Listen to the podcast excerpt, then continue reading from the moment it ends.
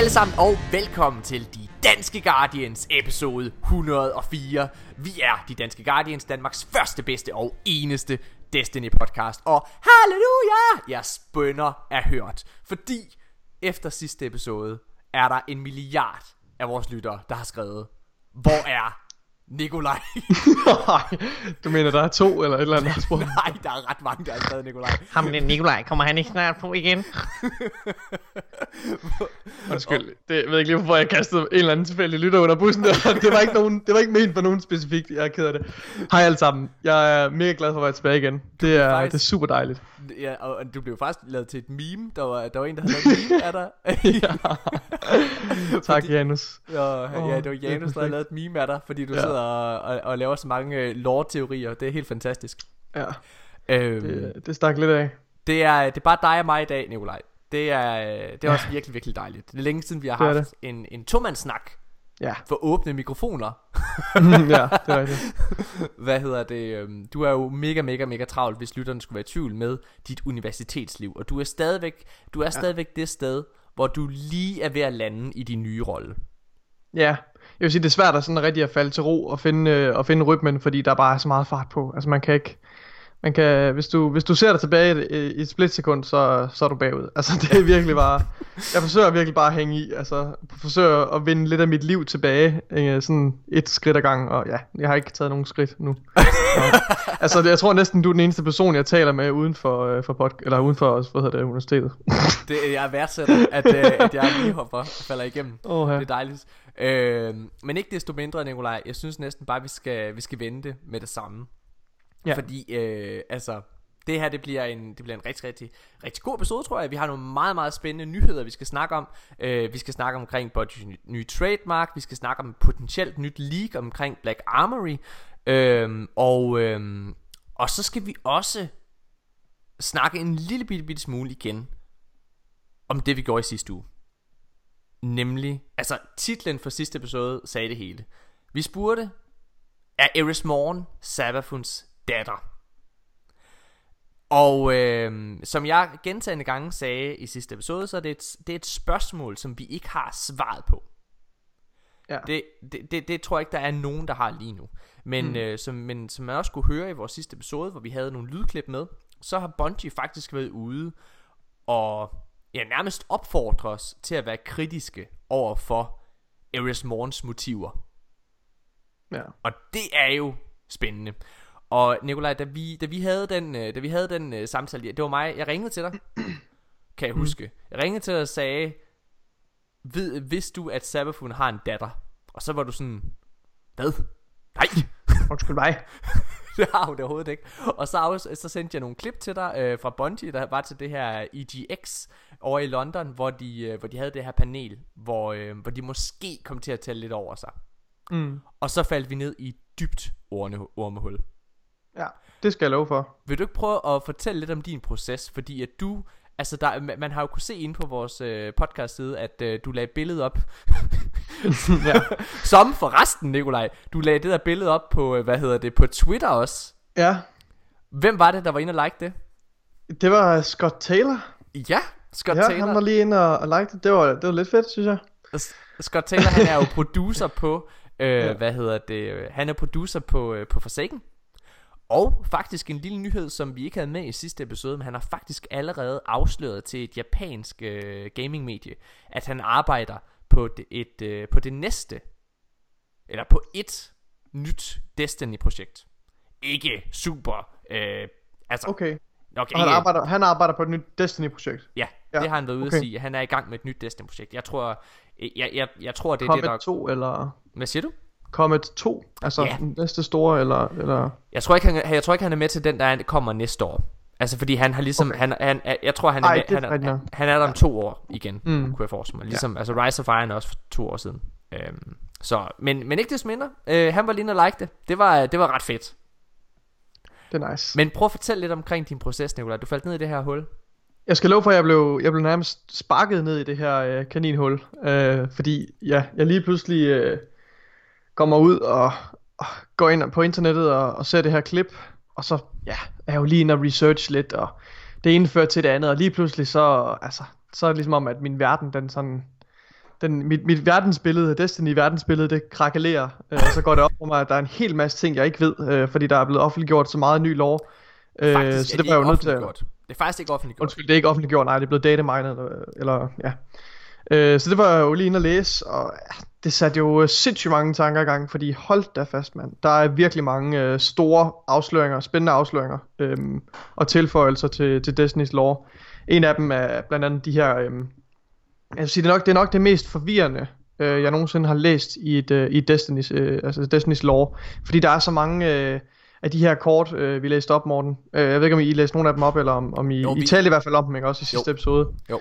Øhm, hvor, hvor, der, hvor der bare bliver kastet tvivl om, om alle øh, forfatterne bag de her kort, om de er, om de er oprigtige, eller om, vi bliver, om de prøver at snyde os. Ja. Så det er sådan, jeg, jeg, altså, jeg, kan, jeg kan slet ikke finde, øh, finde hoved og hale i, hvem vi sådan kan stole på, og hvem vi ikke kan stole på, fordi... Og, og, og hvem udgiver sig for at være hvem og alt muligt. Det var virkelig øh, det er meget kaotisk. Øhm, Ja. Ja, det er, det er, det er, øh, det er ret crazy, og jeg kan heller ikke finde ud af om... Altså, jeg kan virkelig ikke finde ud af Ares' rolle, fordi der er altså nogle ting der i, som...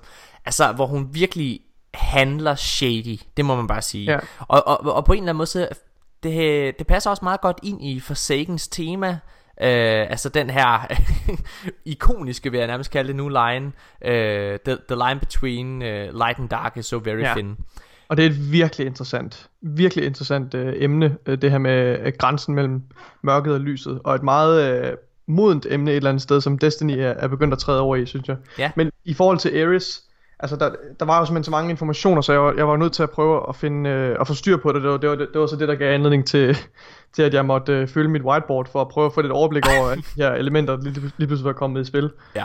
Øhm, men ja, så Ares hun er jo en karakter, vi altid har været lidt mistroisk omkring, fordi hun er meget øh, shady. Altså hun er jo, hun er jo bogstaveligt talt en, en, en sjæl, der er kommet tilbage fra helvede. Altså, og som, øh, og som, men jeg tror vi, jeg, jeg oplevede i hvert fald, at jeg gradvist begyndte at stole på hende igennem Taken Kings øh, kampagne og så videre, fordi hun hjælper os, men også fordi hun virkelig, altså hader Hive. Så det er enemy of my enemy, hvis, hvis det, altså, Det er i hvert fald det det, mindste hun det giver, ikke også? det er i hvert fald det, hun giver udtryk for. Ja. Altså, og, og, og, og som Mika og jeg talte om i, øh, i sidste episode, så er det, der er interessant ved Ares, hvis, det er, altså, hvis vi leger med i tanken om, at hun er i ledtog med Sabafun. Mm. Hvis hun er en datter af Sabafun. Øhm, ja. En agent. en agent, vil Ja. jeg, ja. så, øhm, så er det jo ret spændende, at Sabafuns motiv, det er det her med, at han, hun er imod Oryx. Hun er faktisk en modstander af Oryx. Det står i de nye kort. Ja.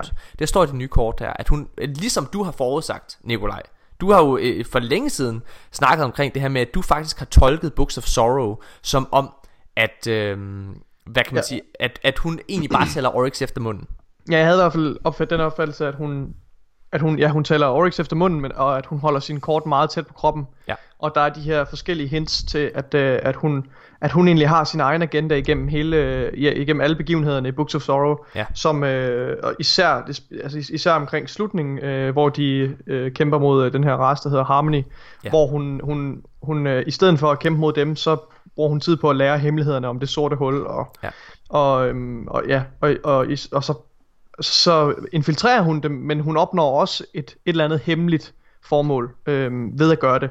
Så det er ligesom om hun, hun tjener lidt sin egen, øh, hun var lidt sin egen, øh, altså hun, hun kæmpede sin egen agenda igennem det meste af historien, og holdt sin kort meget tæt til kroppen. Og Sabafun er jo som sagt modstander af Oryx, og hvis man kigger på det Ares hun rent faktisk gør, det hun rent faktisk hjælper os med, jamen det er faktisk bare at eliminere den modstander for Sabafun. Mm. Altså igen, Sabafun, hun, øh, altså øh, Ma- Mallory fra Bungie, forfatteren her, Ja. hun, hun sagde jo ordret, øh, da hun blev spurgt om, øh, om vi snart ville kæmpe mod mm. øh, Sabafun. Så Ja. brugt, hun brugte den præcise formulering. Tror du virkelig, at inkarnationen af snedighed og list bare vil stille sig op og blive plaffet ned af seks Guardians? Ja, og jeg elsker det quote, for det er, det er så interessant. Det er så interessant.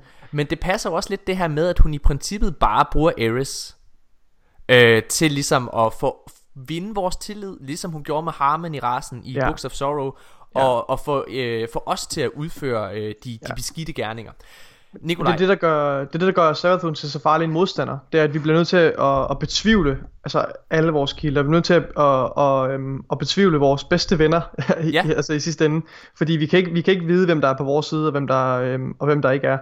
Øh, det synes jeg er vildt interessant. Jeg synes, Sarathun altså umiddelbart er, er, den, er, den, er den mest interessante øh, modstander, øh, vi nogensinde har stået overfor. Og Hun jeg, jeg, jeg, jeg fik kuldegysninger, da hun, Hun er- fortalte hende der. Ja, lige præcis, men hun er også ja. Den farligste. Jeg tror, jeg, jeg tror vi godt vi er enige om, at Sabafun er den farligste modstander, vi nogensinde har stået Helt overfor klart. i Destiny's univers. Og det er Helt klart. fordi, hun er så udspekuleret.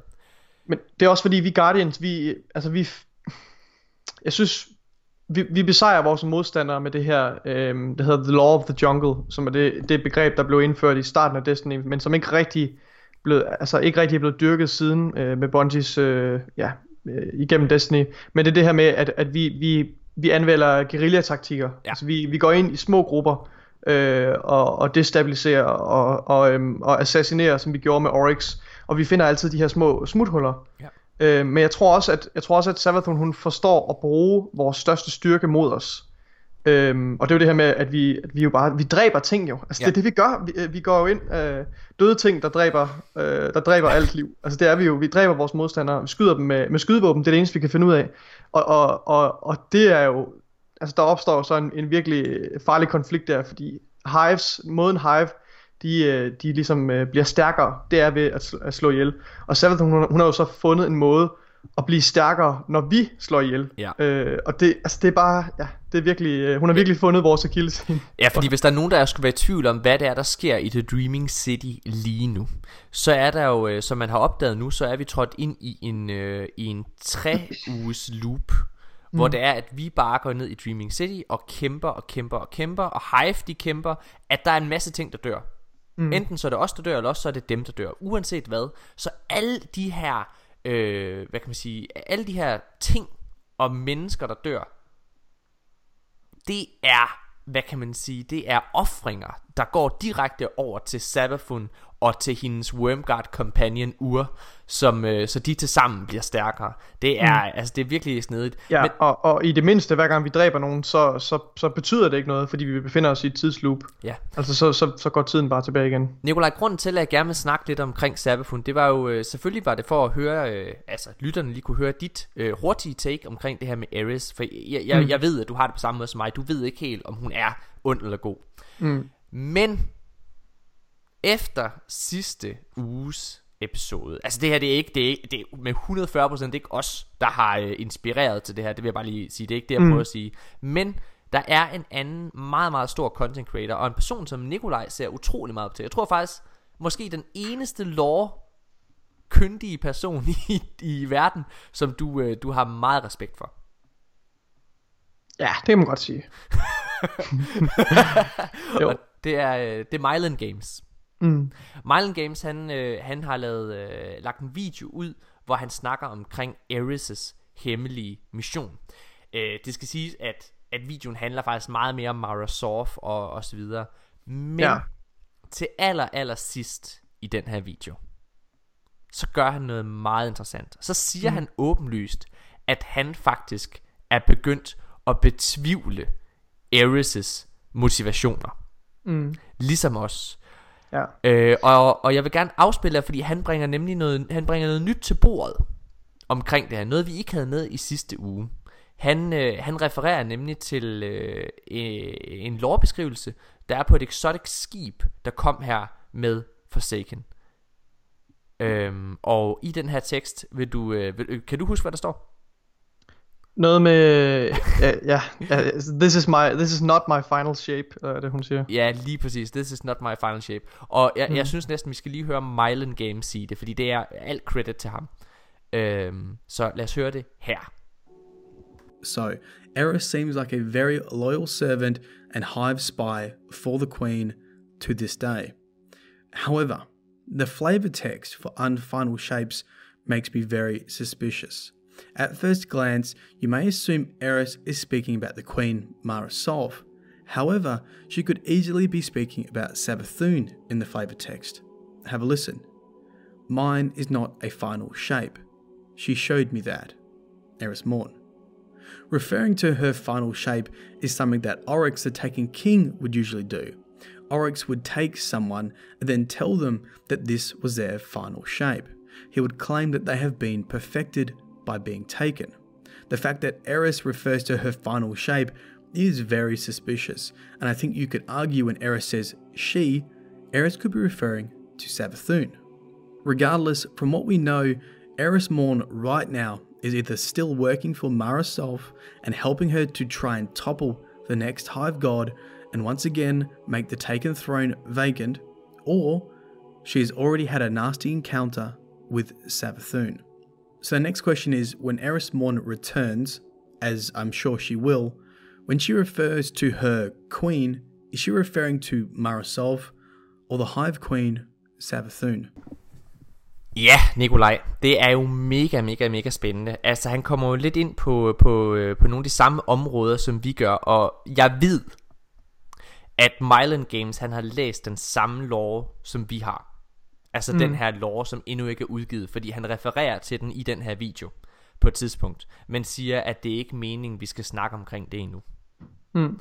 Og jeg tror, det er derfor, han også bringer hi, øh, hvad kan man sige, fokuset over på det her. Fordi det her, det er et kort, som rent faktisk er in-game. Det må han gerne referere til. Mm. Har du en eller anden kommentar til det? Øh, til hans betragtning?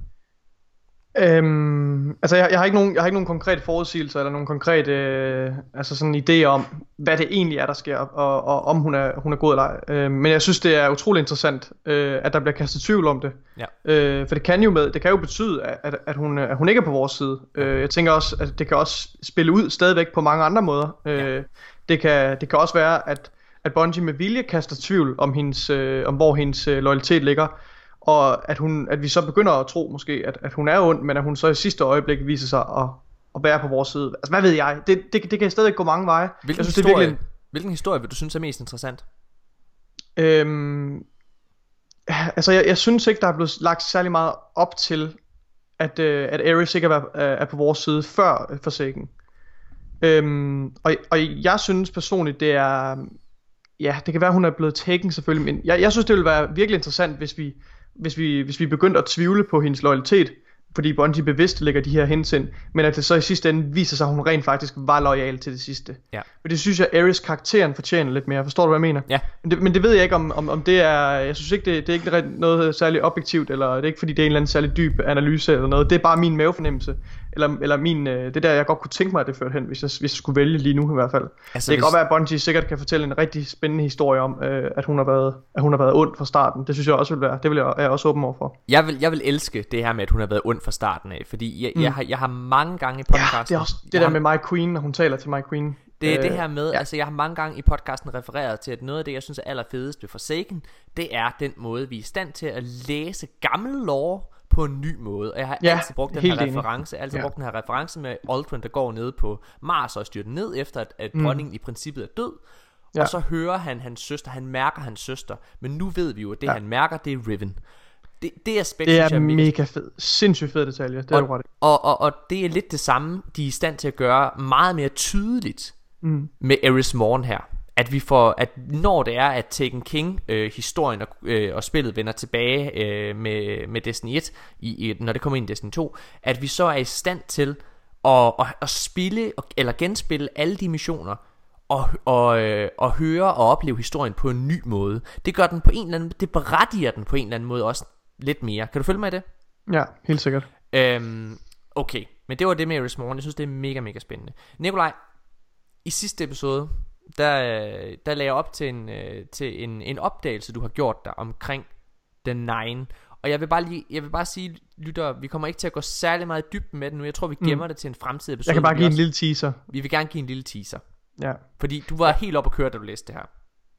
Ja, og det var egentlig, det var faktisk en, en, en konklusion, eller man kan sige en idé, der, der, øh, der kom af, af al min research her. Ja. Øhm, så det kan godt være, at der er et eller andet, jeg har overset, for det er gået meget stærkt. Øh, og lad mig sige, jeg har ikke haft så meget tid til at kigge på det. Så, så tag det med et salt, det, det kan godt være, at der er noget, jeg har overset, der modsiger det, eller Ja. fuldstændig øh, lukker den her teori ned. Men, Øhm, men jeg synes, der er nogle, en meget, meget stærk sammenhæng mellem, øhm, mellem The Nine og, øhm, og det her, øhm, og, og, og sorte huller, som, som er det generelle tema, som det her går rundt om. Ja. Og, øh, og der, hvor Savathun hun gerne vil hen. Savathun hun vil gerne, øh, hun vil gerne øh, overføre sig selv, eller hun vil gerne gemme sig i et sort hul, fordi der er ingen information, der kan undslippe et sort hul, så det er faktisk en, en ideel måde at blive udødelig på, kan man Ja. sige. Øhm, og, det, og, og så går tiden langsomt omkring et sort hul, det her med, at så kan hun, så kan hun nå, og øh, så kan hun dræbe altså at, at, earn, at hun, hun kan tjene, optjene mere tribute øh, hos øh, sine Wormguards. Øh, fordi der er det her med de relativistiske effekter med, med sorte huller.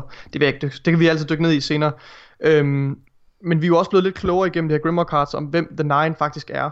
Ja. Øhm, og, det, øh, og det viser sig at være øh, nogle, de originale Awoken. Der er nemlig præcis ni øh, crew members øh, ombord på den, øh, det fartøj, som øh, dem der de øh, mennesker, der rejste afsted, og som blev til Awoken. Der, der er ni af øh, altså de besætningsmedlemmer eller, eller gæster, som, som mangler. Øhm, og så er der alt det her med, at, øh, at The Nine, når, når du, øh, det her, the, altså the, the Emissary of The Nine, hun siger det her med, at hvis, hvis du vil finde den, så skal du kigge på spidsen af et knivblad, du skal kigge øh, mellem atomerne og sådan noget. Så det er, det er selvfølgelig, det, temaet her, det er singulariteter og sorte huller. Så jeg tænker, der må være en sammenhæng der. Øhm, og vi ser jo også, når vi er over i, øh, nu kan jeg ikke huske, hvad de hedder, de her, øh, de her The Nine øh, baner, hvor vi er i et eller andet ukendt område, Ja. vi ikke kender. Unknown Til space. unknown space, en anden dimension, vi, vi kan komme derhen, fordi vi har koordinaterne til vores warp drive eller whatever. Øhm, men det er til ikke nogen steder i vores virkelighed. Og så øh, er der altså et sort hul på himlen. Og, og, og når Bungie, de ligesom altså, samler så mange temaer, øh, eller hvor alle, altså jeg synes bare, alle pile peger i samme retning. Og der, er- der er en eller anden sammenhæng her, så det er helt klart værd øh, at undersøge dybere det her. Øh, Må og jeg- ligesom at prøve at udfordre teorien også. Og jeg, må jeg komme med noget igen? Det her det er 100% spekulation. Øh, lidt ala sidste episode, da vi snakkede om Eris Morgen, om hun var god eller ond. Men jeg vil gerne, der er noget, jeg har tænkt over, Nikolaj. Øh, mm. Omkring det her. Hvorfor at jeg tror, du har ramt hovedet lige på sømmet. Omkring, øh, at The Nine, de er øh, nogle af de oprindelige Awoken. Ja. Og måden, at det passer ind med Sabafuns historie. Og hvorfor jeg tror, det er sandt. Prøv at høre her. Ren historiemæssigt, så vil det være den ypperste konklusion, hvis det er, at Sabafun rent faktisk lykkes at komme ind det her sted, hvor The Nine, de oprindelige Awoken, de op, altså, som egentlig har The Dreaming City, ikke også? Der, det er deres mm. by i princippet, at de så kommer ind og smadrer hende i sidste ende, eller at de i hvert fald er til stede på en eller anden måde. Så, det, ja. Så alle tråde på en eller anden måde bliver flettet sammen. Ja, og det er, det er vildt spændende. Det er, er meget interessant. Ja. Ja. Øhm, ja. Det er, det er spændende, men det gemmer vi til en anden episode, Nikolaj. Jeg synes, vi skal holde en pause nu. Og så skal vi gå i gang med tre hurtigt. Fordi det er vi tilbage med efter mange, mange ugers fravær. Jeg tror, det er Ja. episode 98, der sidst Der har været så mange nyheder, at øh, der ikke har været plads til tre så, ja. så det er vi tilbage med lige efter pausen.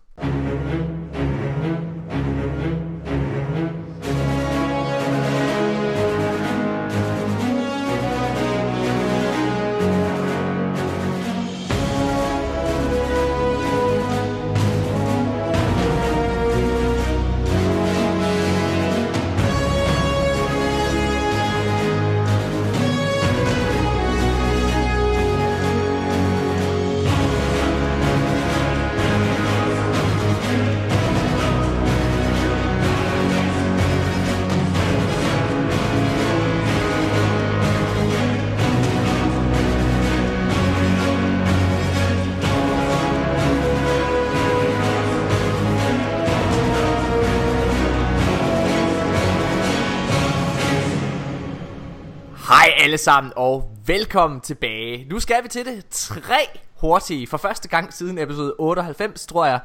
Hvad hedder det? Det er virkelig, virkelig længe siden. Men øhm, fordi det er så længe siden, vi har haft tre hurtige, så har vi en lille overraskelse. vi gør et stort nummer ud af det. Nikolaj, det er jo bare dig og mig i dag. Ja. Eller er det? Eller er det? Åh! Surprise! Hej Mika! Hey, Hej man. Mika. Vi kører nogle tre hurtigt, eller hvad? Ja, lad os det. Mika, hvad hedder det? Du er jo øh, du, du, du, er jo i gang med at øh, hvad hedder det? Du er startet på skole igen. Du Ja. begynder at læse øh, Jeg er ved at tage mit liv øh, til at, ved at tage mig sammen i livet og prøve at finde ud af det. Så øh, det skal man bruge matematik til over det hele. Det skal man. så du er ved at læse ja. matematik op, og du har grund til at du Ja. ikke er med i dag, det er fordi at du er ved at lave en kæmpe opgave. Ja.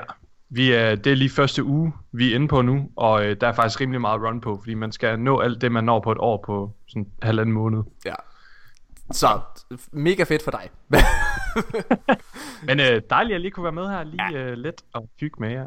Det er mega nice. Prøv at inden vi lige starter på Jeg tre er så glad hurtigt. på din vegne, Mika. Matematik, det er simpelthen det er nøglen til universet. Altså, det er det, er det der låser alle dørene op. Med matematik i, øh, i, i rygsækken, så er der ingen fucking grænser. Så kan du være lige, hvad du vil.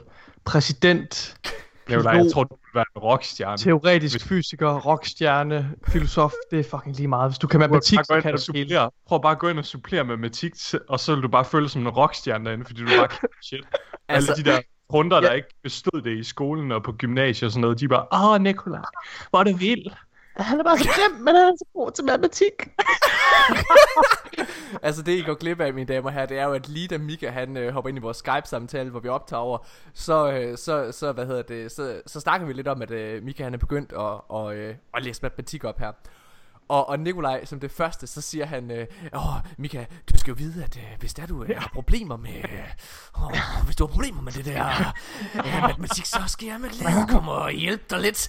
Altså, man kan mærke, at han bliver bare hård ved tanken. Nikolaj, han Så kan du sidde på mit skød, mens jeg laver din Ja. matematikaflevering. Åh. Det er dejligt. Prøv at høre, drenge, vi bliver nødt til lige at være seriøse et øjeblik. Fordi ja, inden vi starter på tre hurtigt, så har jeg faktisk en kæmpe undskyldning, som jeg skal give til en af vores lyttere lige nu. Okay. Og det er oprigtigt, fordi øh, Mika og, øh, rigtigt. Mika, Mika, du Mika og Nikolaj, I ved, I ved godt, at øh, i takt med, at, øh, at podcasten er, er vokset, øh, hvilket vi er glade for, så er vi også, altså, der er mange kritikere af os. Ja, Øh, der, det kan man, jeg vil godt kunne mærke lidt. det vil vi godt kunne mærke. Der, er- der, der er mange, der... Er der? Øh, ja, det kan Der er folk, der ikke kan lide os. ah, giv mig deres fucking adresser, jeg kan gå ud til dem og lave alle deres matematikopgaver, det gør nu. Hvad hedder det? Men, men okay, der, vi, der, der, er no, der er nogen, der er lidt kritikere af os, ikke?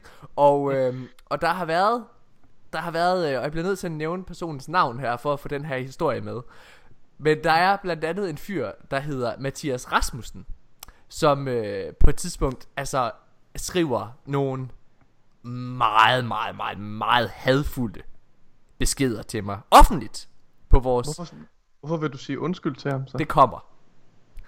Han skriver, ham her Mathias Rasmussen, han skriver, Du er blevet født. Ej, han, han, hvad, hedder det, ham her Mathias Rasmussen, han skriver nogle meget, meget hadfulde beskeder offentligt på vores Facebook-side, øh, målrettet mod mig. Okay. Og Ja, så, se. det er fordi, han sletter dem. Han sletter dem Nå. efter, og så, øh, hvad hedder det, altså han, han, han, han sådan trækker det tilbage, og så, øh, hvad hedder det, han, han har sådan, sådan flere, øh, altså han har sendt sådan flere til mig, ikke? Øh, og så sletter han det igen. Og så, øh, så, så sendte jeg en privat besked til ham, hvor jeg sådan, hey, what the fuck, altså, øh, hvorfor du behøver da ikke at slette dine øh, beskeder, altså, jeg, skal, jeg, jeg vil med glæde svare på det.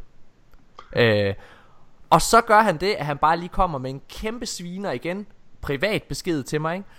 Og så blokerer han mig, så jeg ikke kan svare på det. Okay? What? Okay, Okay. hvornår kommer undskyldningen lige ind i billedet? Han smider bare en granat og forlader rummet. Ja, ja. har, du, har du myrdet hans familie eller et eller andet, så kan måske godt forstå. Det der så Hvad sker, sker der? det der sker, det er, at vi sidder, øh, eller undskyld, jeg sidder og, og, og, og streamer, og ja. øh, hvad hedder det, øh, ha- øh, hvad hedder det, øh, øh, ham der hedder Mathias Rasmussen, han hedder, han hedder Koma, Koma, ja. Koma.dk. Og øh, så kommer der en, øh, hvad hedder det, en fyr ind i vores stream, som øh, snakker om, at hey, på et tidspunkt, at han kender Koma. Og, at og at Koma, han, åbenbart han, han, er- han er en rigtig dygtig spiller. Det er han. Han er en rigtig dygtig spiller. Og siger han, han kender Koma. Og så, jeg er, jeg er fedt op. jeg er fedt op. Og jeg, så jeg, jeg kommer til at sige et eller andet med, at... Øh, hvad hedder det, at øh, ja, jeg ved godt, hvem øh, Koma Mathias, Mathias Rasmussen han er. Han er, og jeg så siger jeg noget med, at øh, jeg synes, han er cancer i pixelform. Hvad hedder det, altså... altså, altså Hvad? jeg kom med en virkelig hård ud. Du går ned på Det det. må du ikke sige på vores Twitch. Jeg, går, jeg giver ham en, jeg giver ham, ja, jeg, jeg, går, jeg kommer med, jeg kommer med en virkelig, virkelig kæmpe sviner. Altså, og, og jeg, jeg, jeg, og jeg har, hvad hedder det, og jeg har, jeg har øh, dem, der er i mit party, de sidder bare sådan, ja, yeah, bare fucking idiot, man, og bare en fucking pik, man, de, ved, de, de, kender godt, de kender godt baghistorien. Nå, Nej, nej. så sker det, og nu kommer vi til undskyldningen. Fordi, så sker der det, at øh, lige pludselig, her i lørdags, da vi sidder og streamer, så kommer Koma ind i chatten Åh, på Twitch og siger, hey, hvad fanden er det, der går og sviner mig til? Shit. Og så siger jeg bare, det er mig. Jeg siger, det er mig. Og jeg står ved alt, hvad jeg fucking har sagt. Du er fucking cancer i pixelform, eller hvad fanden det er for sagt. og så siger han, og så viser det ham af Koma, han er sådan helt, hvor, hvor, hvad? Hvad, hvorfor, hvorfor sviner han mig til? Jeg elsker DDG. Jeg lytter til jer hver uge. Hvad, Ej. hvad der foregår? Hvad der foregår? Nej. Så er det den forkerte Mathias Rasmussen. Nej. det er den forkerte Mathias Rasmussen. Og jeg sidder altså Det er længere. også et ret almindeligt navn, er det ikke det? Ja, Åbenbart. Det er derfor. Jeg kender flere, der hedder Mathias Rasmussen. Ja, men jeg, øh, og jeg sidder altså, jeg siger, jeg tror ikke en skid på ham, men så skriver han til mig på Facebook, sådan, så jeg godt kan se, hov, det er jo to meget forskellige Facebook-profiler, det der, hey, det er mig, der er koma, hvorfor, du må ikke være sur på mig, eller et eller andet, eller, "Ja, det, det er så dumt, det her, og, og jeg, prøv at, hvis man har været en idiot, alle lytter, så er det her godt råd, så skal man eddermame have nosser nok til at sige, at man er en fucking idiot. Og jeg har været en fucking idiot. Det var ikke okay. Det vil jeg bare sige. Det er sådan en lille... Der vil, jeg- der vil jeg godt lige uh, tage, tage voksenbrillerne på. Ja. Det er jeg virkelig, virkelig ked af for det første. Jeg hader stadig den rigtige Mathias Rasmussen. og, og, Mathias, og Mathias Rasmussen, du fucking... Du er cancer i pixelform. men, men den anden Mathias Rasmussen, der kan, jeg, der kan jeg rigtig godt lide, og jeg er virkelig... forsvandt voksenbrillerne igen. Ja, ja, ja, ja, de, de går af på hele tiden. Ej, Hvad jeg er sker virkelig, der også for, at øh, de har det samme gamertag, eller tag? ej, det eller... har de ikke. De har ikke gamertag. Det er ikke det samme gamertag. okay. Det var bare fordi, at jeg vidste, han hed Mathias Rasmussen, altså Koma. Og, Nå. og det er jo så, så, ja. Altså igen, Koma, jeg synes, du er en fucking champ, og jeg er virkelig, virkelig, virkelig ked af, at, øh, at jeg var efter dig. Øhm, og så vil jeg bare sige, at du har nogle virkelig, virkelig gode venner, Koma, fordi det er jo dine venner, der går ind og forsvarer dig, og siger, at sådan er han altså slet ikke. Sådan er han slet ikke. Det er slet ikke den Koma, jeg kender. Det kunne han aldrig finde på, det der. Hvad hedder det? Så ja. Så det var bare, det ville jeg lige have ud af verden. Ja, dejligt. Det er godt. Mine damer og herrer, skal vi gå i gang med tre hurtige, det længe ventede. Øhm, Mika, du, øh, du, du, du, har jo ikke, du kender mig ikke på forhånd. Det gør mig og Nikolaj. Nej, det gør jeg ikke. Godt. Øh, det første spørgsmål... gøjl, eller er det noget... Nej, det er seriøst. Det er seriøst. Det er faktisk seriøst. Ja, ja, jeg tænker nu, når Det det, er er alligevel det, noget tid siden, ja, som du sagde tidligere. Er det virkelig episode 98? Ja, Vi sidst havde det med. ja. Der har været så mange nyheder hver uge. Altså, det er helt vildt. Det var inden Gamescom. Hold det var op. det. Øhm, nå. Men det første spørgsmål, tre hurtigt i den her uge, det er, skal Destiny 2's endgame gøres lettere? Og øh, grund til, at jeg kom med det spørgsmål, det er fordi, at øh, det har faktisk været debatteret ret meget. Øh, Fireteam Chat, øh, IGN's øh, Disney podcast for eksempel, har haft det i øh, to øh, episoder, hvor de har siddet og diskuteret om det for eksempel. Øh, og, øh, og der er flere på Reddit, der synes, at det er for tough. Øh, for eksempel, så er der folk, der har været brokket sig rigtig, rigtig meget over, at på trods af, at de, har, at de føler, at de har spillet rigtig, rigtig meget Destiny, så har de ikke været klar til rated. De var ikke klar til at gå ind øh, day one i rated og, og, og, og deltage i World's First. Det var kun de helt hardcore, der var det. Mm-hmm. Så spørgsmålet er, er Destiny 2's endgame for svært lige nu, eller er det fedt det sted der? Mm, Nikolaj, vil du svare? Fordi du er jo faktisk, øh, du er jo Altså- faktisk ikke så langt. Nej, jeg ligger jo, jeg ligger jo nok i... Det er dig, den rammer rigtig meget, ja. Jamen det er det faktisk. Jeg ligger jo faktisk der på spektret, hvor det ligesom... Ja, det, det, er, jo, det er jo mig, det går ud over, kan man sige, i gåsøjne, når, når endgamet er hårdt. Ja. Øhm, og altså, jeg har virkelig ikke haft særlig meget tid til at spille, men jeg føler alligevel, at hver gang jeg logger på, så laver jeg noget fremskridt. Og det er måske det, der betyder mest for mig. Øh, hvis nu jeg mødte en mur, hver gang jeg log, øh, på, ville jeg nok være træt af det. Eller hvis jeg efter fjerde uge stadigvæk ikke kunne være med til at lave Nightfall, for eksempel. Det er jo de ting, der ligesom er, er, er surt ved det. Øhm, jeg, jeg synes, det går relativt... Altså, jeg synes, det går hurtigt nok. Øhm, og jeg nyder, at, at der er virkelig højt til loftet, øh, hvad progression angår. Øhm, men på den anden side ved jeg heller ikke, om, om jeg er den rigtige at spørge, øh, når sådan noget, hvad sådan noget angår. Fordi jeg betragter stadig mig selv som en, en relativt hardcore Destiny-spiller, kan man Ja. sige. Øhm, på trods af, at jeg ikke bruger så meget, eller har så meget tid til det. Øhm, men hvis, hvis jeg skal svare på, hvad, hvad jeg synes, der er bedst, om det skal være hardcore, eller om det skal være, om det skal appellere mere til, til, hvad hedder det, til den almindelige spiller, så, så synes jeg, det vi har nu er bedre. Øhm, det er jo også lidt et, et, et svar på det meget det kritik, der har været af Destiny 2, øh, at endgamet var for, var for blødt, øh, og, der, og det var meget nemt at nå til tops. Ja. Øhm, og før, man, før der ikke var mere at lave. Øhm, og jeg tror virkelig, det der er vigtigst med sådan et spil som Destiny, det er jo det, er det her med, at man ser øh, ens øh, level gå op. Eller man, man lige jagter og, og jagt, jagter det der gear, der lige gør en, en tand bedre. Og, og, og hvis der er rigtig højt til loftet, så kan man blive ved med at gøre det i lang tid. Og så tror jeg virkelig, man, man får den der belønning af at sidde og spille. Ja. Man føler, man laver fremskridt. Øhm, så, så, så jeg vil, min personlige holdning er, at, at det er at det er bedst, at endgamet er, som det er nu. Ja. Det var et meget langt svar. Jeg ved ikke, om det... Om Det er dejligt. Det er tre hurtige nødskal. det er tre hurtige nødskal. Nå, okay. Mika. Øhm, altså, jeg synes, det er, det er et meget subjektivt svar, man kan give på det her. Fordi, det er det. altså, min egen personlige holdning er, nej, det er ikke for svært. Men jeg kunne godt se det måske ud fra et, øh, et salgssynpunkt, at man kunne lukke nogle spillere ude fra en aktivitet. Mm. Men jeg vælger at svare på det på sådan en subjektiv måde. Men jeg synes alligevel, Jeg synes- jeg, må jeg lige sige, Ja, bare lige, bare lige ja, få ja, noget til din pointe, øh, øh, Mika, som jeg kan mærke, du kommer hen på lige nu. Ja. Jeg, jeg vil bare lige understrege, at Mika har ikke gennemført rated endnu. Så Nej. han, har- han har ikke været højt nok level til at gå ind i det, heller ikke. Altså, fordi du har, du har, du har spillet ja. mega meget Destiny, men du har haft, du har haft dit fokus på nogle andre steder. Ja.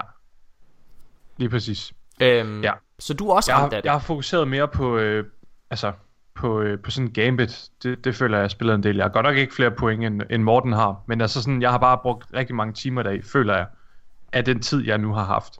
Ja. Anyway, så synes jeg faktisk, at det er fint, den sværhedsgrad, øh, rated det har. Fordi det er jo den, vi snakker om, ikke? Jo. altså når vi snakker endgame. Fordi jeg synes ikke rigtig, der er så meget andet, man føler sig sådan lukket ude af. Når du alligevel rammer de der 55, så kan du alligevel køre blind well på tier 4 og så Ja. videre. Men til rated synes jeg faktisk, at det er rigtig godt, at der er den her øh, sådan høje øh, power level.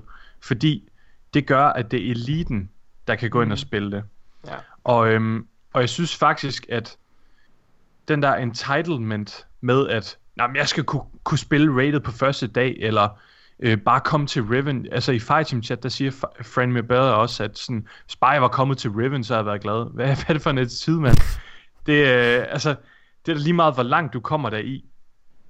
Altså, du kan gå ind, ja, men jeg synes, det, der er en værdi i, at det kun er folk, der virkelig er dedikeret til spillet, og har brugt de sidste to uger, altså sådan 12 timer hver dag på at sidde og grind. Jeg synes også, at det er fair, at de bliver belønnet for det. Øhm, og det er jo ikke fordi, at rated forsvinder en uge eller to efter.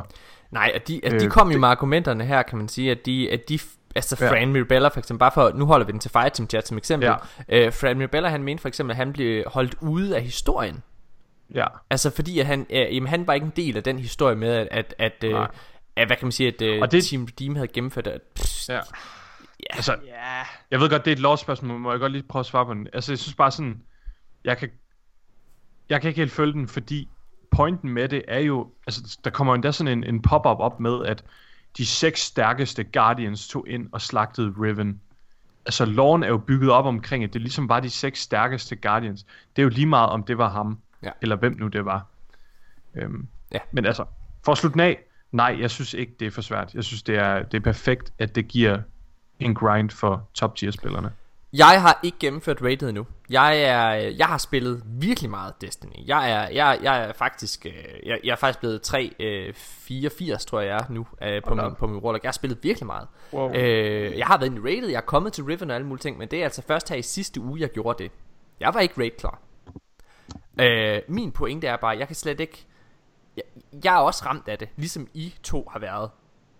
Jeg burde også at føle mig udelukket, men det gør jeg ikke, fordi jeg kan slet ikke forstå, at vi har den her debat. Nikolaj var inde på det. Det her, det er præcis, hvad vi fucking har bedt om. Dengang Destiny 2 udkom, jamen jeg synes, jeg synes det er, vi, vi kommer tit med mm. det her med, altså lærer vi ikke noget af historien? Har vi, altså har vi øh, hukommelser som Altså som fucking amøber eller et eller andet Altså som Dory fra Find Nemo Jeg ved ikke hvad der, er, der foregår Det er Dengang Destiny 2 launchede Der var alle klar til at gå ind på rated day fucking one Der var ingen ja. Der var ulukket ude der Og folk sagde at endgamet var et kæmpe problem Fordi Jamen så var det jo væk Hvad var det så man skulle stile efter Ja. Altså Ja. du har Prøv at, hver dag jeg, jeg, har, jeg har kun gang i en karakter Hver gang jeg logger ind Så har jeg et formål Mm. Mm. Det er, det er, jeg, jeg, nej, endgame skal ikke være bedre. Det, det har aldrig været Nemmere. bedre i Destiny. Ja. Ja. Mm. Ja. Godt. Jeg vil faktisk, må jeg lige knytte en lille kommentar, ja. jeg synes faktisk, øhm, en, en ting, det er også sådan fremskynder ved at have så, så, øh, så svært et power level rated, det er altså virkelig også bare sådan communities effekt, Ja. eller sådan det der med, at vi bliver samlet omkring det.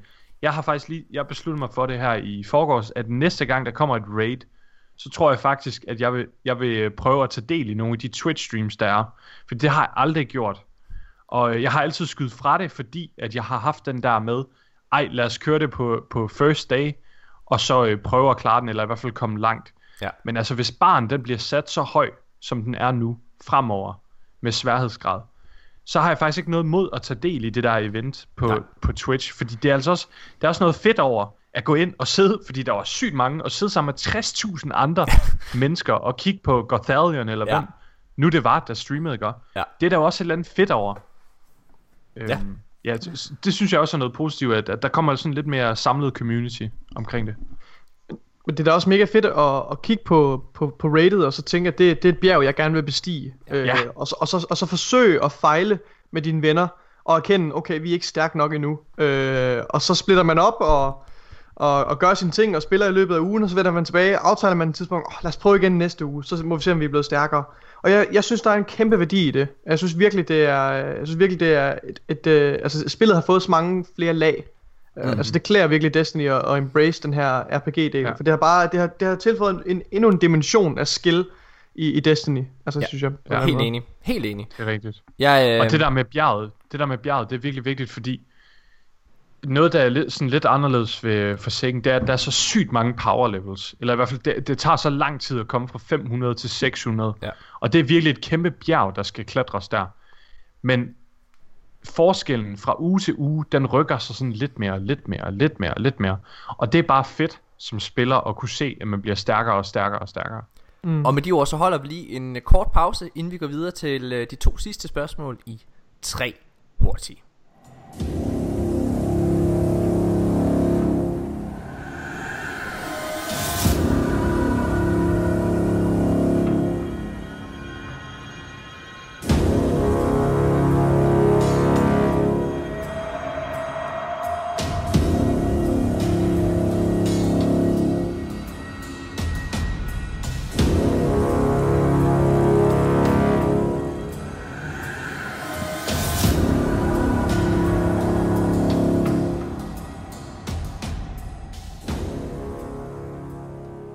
Ja, mine damer og herrer, så er vi tilbage igen, og øh, jamen, vi fortsætter bare her i tre hurtigt. Næste spørgsmål. Det er, hvad har været Forsakens største overraskelse for jer? Og det skal altså, det må gerne, eller det skal helst være en in-game ting. Altså en ting, der er sket i spillet. Ikke, ikke en aktivitet, eller lore, eller hvad? Det er, det, det, altså det er ikke mm. noget lore. Det skal, det, det skal være noget, der er sket i spillet. Så hvis det er en okay. Historie ting, der er sket i spillet, så må det gerne være, så må det gerne være det. Men, øh, men det skal være Okay. en in-game overraskelse. Jeg, jeg, vil- jeg, øh, jeg vil gerne lægge ud. Må ja. jeg det? Men selvfølgelig. Jeg, øh, jeg tager det ikke på, hvad der var, hvad jeg synes faktisk der er fedest. Men det, der har fremprovokeret den vildeste reaktion fra mig, det var, Morten, da vi spillede en, øh, jeg tror det var missionen i anden uge af den her øh, cy- cyklus, der er. Og vi løber på en bro, og så lige pludselig, og vi sidder og streamer, og så lige pludselig står der, står der over på en eller anden, et eller andet bakke, så står der The Oddinum, eller sådan et eller andet. Og så bliver der skrevet i chatten, skyd ham, skyd ham! og så skyder jeg, giver han et skud på ham. Og så er det bare sådan en kaptajn i mega højt power level. Ja. Og han jagter mig, Morten. Og jeg kan huske, jeg skreg, og jeg, jeg, var, vir- jeg var virkelig bange. Jeg, var jeg kan ikke huske, hvornår jeg sidst har haft den der følelse af at blive jagtet i Ej. Destiny. Det var, det var ligesom den der mission på månen i, månen i Destiny 1, hvor man kravler rundt ned i et ja. rum, og man har de der svær. Kan I huske det? Ja. Og de var mega højt level. Anyway, det kan jeg bare huske. Det var, det er det, der har fremprovokeret den vildeste reaktion. Vi var jo alt for, vi var alt for, for low level til det, Mika. Det var så sindssygt. Han var, han var, han var, gøre damage på han, han var 83, han, var, han, du kunne slet ikke gøre noget som helst, og han, han blev bare ved med at jage os. Altså, det var uanset hvor langt væk vi gik, han, han blev bare ved med, vi tænkte hele tiden, Ja. okay, nu er vi, nu er vi var sluppet fra ham. Mika. Vi er sluppet fra ham. Fedt, Jamen, mand. det det. og så kommer han bare frem. Ja. Man troede hele tiden lige, man var væk, og så går lidt, det var ligesom sådan, øj, det var ulækkert. det mindede lidt om. Der, jeg ved ikke om nogen af jer har spillet, øh, de fleste er nok for unge, men der er et spil, der hedder Dead Space 2, og til aller, aller sidst i det mega fantastiske spil, så er der sådan et monster, som bare går efter dig og jager dig igennem altså en hel bane, og det er sådan nogle lange baner, ikke? Så går den bare lige så stille, øh, og du kan ikke slå den ihjel, og den dræber dig bare, hvis den fanger dig. Og du er sådan, altså det er sådan, at du skal åbne døre og alle mulige ting, der bare øh, lige efter dig hele tiden. Det er så fucking klamt. Og det var den samme følelse, jeg fik der. Ja. Åh. Nå. Øh, hvad, hvad med dig, Nikolaj? Ja, jeg synes, den er lidt svær. Ja, altså, jeg ved ikke, om det skulle være, øh, om det måske skulle være nogle af de ting, der er kommet i, i løbet af, altså, altså det her med, at vi ser, at Dreaming City bliver mere og mere, øh, hvad skal man sige, forbandet. Det synes jeg har været et rigtig fedt øh, tiltag, men, ja, men ja, ja jeg, jeg tror, jeg må, øh, jeg tror, jeg må sige, det er, det er det øjeblik, hvor vi står foran øh, The Oracle, og hvor øh, at vi, øh, vi taler med, med Peter Petra og at vi er i stand til at, at spørge hende igen og igen om at uddybe øh, omkring, at det er en af de her story missioner. Mm. Jeg, jeg, tror, det er, det- jeg tror, det er det bedste indgame, den største indgame overraskelse, jeg har haft. Ja. Øh, gennem, altså, hvor, jeg, hvor jeg virkelig føler, at de, de satte barn meget højere for, for Destiny. Det her med, at du kunne blive ved med at stille flere spørgsmål, hvis du ville, så, så, så blev, blev den her information serveret for dig, og det, altså, ja, det, det, det, det, det tilføjede virkelig en, en, en dimension mere på, på, på Destinys verden, og altså uddybede meget af loven omkring uh, The Awoken og sådan noget. Ja. Og jeg tror, det egentlig er det, vi har bedt om hele tiden. Det føles som om, at, at missionerne var, var lavet på en måde, så det føles ligesom at spille et RPG-spil. Uh, lidt ligesom uh, The Witcher. Ja, jeg sammenlignede med, med The Witcher. Jeg synes, uh, i historiefortællingen, synes jeg, at, at det næsten kom, kom derop af. Uh, Ja. ja. Ja, ja, jamen jeg, øh, ja, jeg er ret enig med, øh, øh, altså med dig der. Jeg, hvis mit svar, det, det er lidt en cop-out, øh, så jeg, jeg kommer med et andet, men øh, det er faktisk The Dreaming City. Størrelsen på The Dreaming City. Størrelsen Ja. på, hvor fucking stor den er. Det her med, at der er to altså dimensioner af den, at der både er øh, Ascendant Realm, Dreaming City, og så er der Dreaming City. Det er, øh, altså det er fucking sindssygt. Men, det største, den største overraskelse for mig in-game, det kom i sidste uge, hvor det er, at vi sidder og spiller, Mika, og Ja. lige pludselig, så siger min svoger Mark, som vi spiller med, Morten, vil du spille en hemmelig mission? Og jeg siger, øh, ja, hvad, hvad? Er du med ind i min lastbil? Ja, ja, jeg sad og tænkte, hvad, hvad, hvad, skal du med mig, Mark? Hvad? Jeg har slik. jeg, har, jeg har monster til dig. Morten, kom her. Nej, men, men, Det men kunne havde de bare spurgt, vi har matematik, kom. Matematikopgave herinde. oh. Jamen så, bliv færdig med det om i min bagdel, du skal, mens jeg lige regner brødferne ud. Nå, nej, okay, men. Nej. nej, men, øh, men, men det er selvfølgelig den her øh, helt nye aktivitet, som Bungie har skabt. Øh, og det er en dungeon. Det at, det at Bungie har skabt en fucking ny game, uh, PvE game mode historieagtig ting. En dungeon, som er en mellemting mellem et strike og et raid. Nej, Og, og, og det faktum, at du kommer ind, altså der er puzzles derinde, det er tre mand, du gør det ikke også, øh, der er puzzles, der er bosser, øh, Dol Inkaru er bossen til allersidst, som har et mega fedt design, altså det er, Ja. Jeg synes, det er fantastisk, at uh, Bungie, de virkelig... Altså, på, det, det er fedt, de to ting, I fremhæver. Det er virkelig sådan MMO-RPG. ja. Men ja, det er også jeg føler, at de har gjort her med Forsaken. De har virkelig embraced, for første gang nogensinde, så har Bungie ja. embraced MMO-delen. Virkelig, det har de virkelig meget. Og også bare sådan en lille detalje som uh, NPC'erne, der står rundt i byen. Jeg ved godt, vi har snakket om det før og rost det. Ja. Men det der med, at det, det er sådan rigtig, øh, hvad hedder det, awoken vagter, der Ja. står rundt omkring. Det, virkelig, det føles bare som sådan en virkelig levende verden. Du får jo sådan en Skyrim-følelse øh, Ja, over det, det må man præcis. bare sige. Ja. Næste spørgsmål, og sidste spørgsmål her i tre hurtige. Det er, øh, det er lidt et, øh, det, ja. Hvem er skurken efter Sabafun? Jeg er 100% overbevist om, og jeg tror også, I er, er med på den vogn, at når det her år er omme, så er Sabafun formentlig rundet af. Altså, det, det, det, det her det er en historie med Sabafun, som, som kommer til at vare det her år, men hvis de kørte videre med den i næste år også, så tror jeg, at folk ville have fået nok af hype, fordi de var, de var en del af Warmind, og nu er de en del af Forsaken, altså, De har Ja. meget været den centrale hovedfjende. det har de, men, men, men, men vi har alle sammen haft den følelse, at nu skal vi, nu skal vi noget nyt. Ja. Øhm, hvem er skurken efter Sabafun? Ja. Det er super spændende. Har du et forslag, Nicolai? Forventer du, at øh, jeg svarer på det? Jeg kan godt komme med, hvis I mangler et svar, så kan jeg godt komme først. Jeg- Jeg, Jeg har jeg har et svar. Jeg ved ikke, om, øh, om det er et godt svar. Nej. Øhm, den er ret åbenlyst, øh, åbenlysende. Ja. Jeg ved ikke... Altså, ja, vi, har jo, vi har jo talt lidt om, om, om den næste øh, expansion jo skal omhandle Kate, Ja. og som skal omhandle Clovis Bray. Øh, men jeg har lidt svært ved at, øh, at sætte en, en skurk på det billede, for jeg ved ikke, om, om vi skal kæmpe mod øh, Clovis Brays øh, genfærd, eller mod en, en hær af Exos. Det ved jeg ikke, om, om bliver tilfældet. Øhm, men øh, så, så det ved jeg ikke. Men ellers så må svaret jo være øh, pyramideskibene. Den øh, Ja. psykotiske alien-race, der er på vej øh, til at udslette os meget snart. Ja. Må jeg give et bud? Ja. Jeg håber, jeg lidt øh, jeg lige kan tage røven på Morten. Så øh, smider jeg the one and only kill of kills. Varix. Ja, du tror, at Varix er den næste, øh, vi, vi kæmper mod? ja, det håbede jeg lidt, at du troede. Ja, nej. Jeg ved ikke om det, jeg tror det er Varix, men øh, Nej. altså, fordi han er jo alligevel, altså, han er jo katalysatoren for Forsaken. Ja, det er rigtigt, hvis man Og, ikke ved øhm, det. Hvis man ikke ved det, for ja. vi har faktisk ikke snakket om det her i podcasten. Øhm, hvad hedder det? Nikolaj, hvis du vil gerne vil tage den, så må du gerne det. Nej. Okay, så tager jeg den. Hvad hedder det? Det der, øh, det, det der er, det er jo, at igennem loven, så har vi, øh, så har vi fundet ud af, at optakten til Forsaken, altså grunden til, at de her Barons og Aldrin, de bryder ud inde i Prison of Elders, det er faktisk fordi, at Varix lukker dem ud.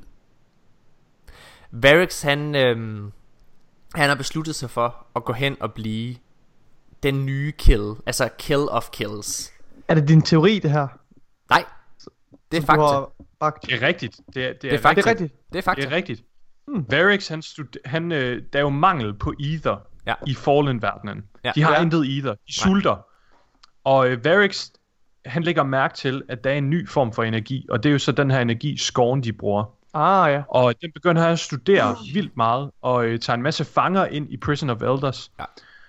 Og øhm, jeg kan ikke helt huske, hvorfor han lukker dem ud, om det er fordi, han vil Han bliver have hjælp provokeret. af dem til at høste. Han bliver provokeret øh. af, hvad hedder det, af ham der, øh, ham der, øh, Aldrins søn, eller altså ham der, den, ham der, der også er Ja, Strike Boss. Fanatic. Fanatic, Fanatic, lige ikke? præcis. Ja. Han bliver fanget, og øh, hvad Mm. hedder det, øhm, og, og Så han, laver de en deal, eller? Ja, nej, men han, så, så vidt jeg, Jeg husker, ikke så provo- ej, jeg kan heller ikke helt huske men det er noget med, at han provokerer Varix lidt med, altså han Ja. siger, hvem, altså er du overhovedet, altså er, er, altså er du overhovedet tro mod din egen race, altså sådan nogle ting, og hvis Ja. der er noget Varix Mm. han er som karakter, så er Så det, lojal. han er fucking Ja. lojal over for Fallen-racen, ikke? Ja. Øhm, Ja, lige Ja. og, øh, og så beslutter han sig Men, for at øh, gå ud og, øh, og blive Kill of Kills, og så åbner han op for, øh, for, for dørene til Shit. Aldrin. Fuck, der er og, meget, jeg mangler og at blandt andet Aldrin der. Så han er jo, han er jo katalysatoren. Ja. Så jeg tænker bare, da vi, at vi kommer i hvert fald til at, øh, at støde øh, tænder med øh, Varix på et eller andet tidspunkt. Helt sikkert. Men om han bliver den næste store fjende, det ved jeg ikke. Øhm, jeg tænker også umiddelbart, det må være et eller andet Deep Stone Crypt. Ja. Ja. Øhm, altså, Ja. det er i hvert fald det, vi, øh, vi forudser jo næste år der. Altså, jeg, Så- der, der er to muligheder. Enten så kommer pyramideskibene med næste september, eller også så er, hvad hedder det, er det Clovis Bray, og øh, de der, øh, pre, øh, hvad hedder, hvad, dem der, der er nede ved Gunsmith også, øh, og Golden. Shax, hvad de hedder, øh, de der Exo, Øh, Red Jacks. Red Jacks, ja. Eller, ja, de, ja. Ja, altså,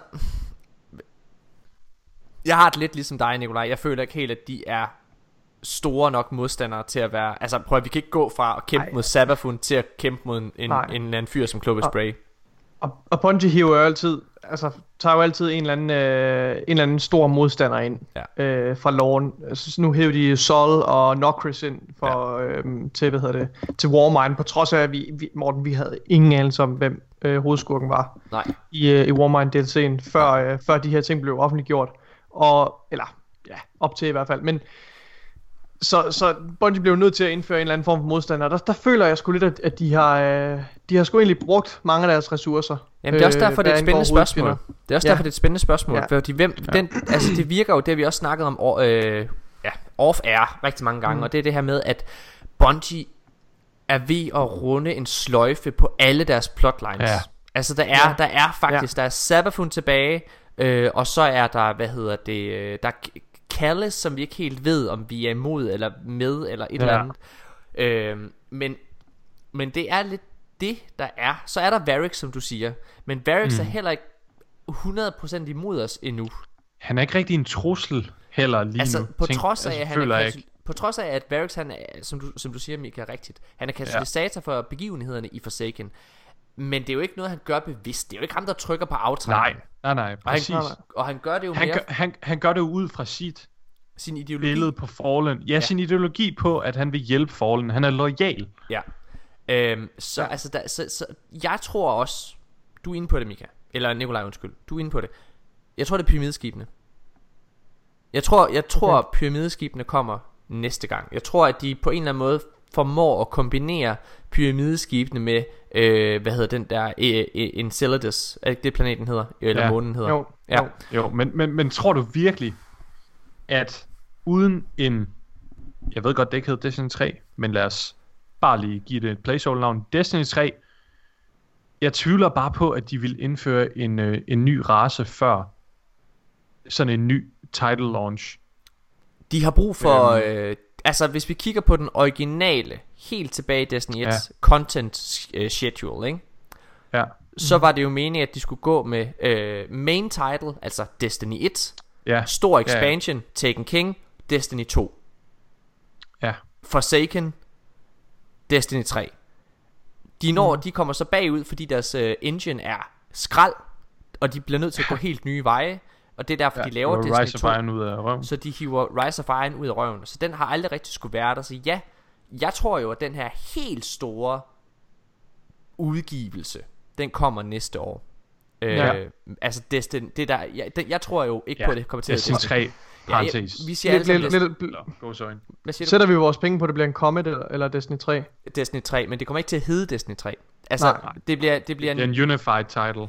Ja, altså det de er ved forhåbentlig, at gøre lige nu, det som, som vi også fik indtrykket af ved, hvad hedder det, ved, i, i Gamescom med Steve Cotton og, øh, og hvad hedder han, Deitch, det er jo det her med, at de er ved at bringe hele Destiny 1 og Destiny 2 sammen, så det vil ikke give mening efter at have gjort det, og sprede det for alle vinde igen.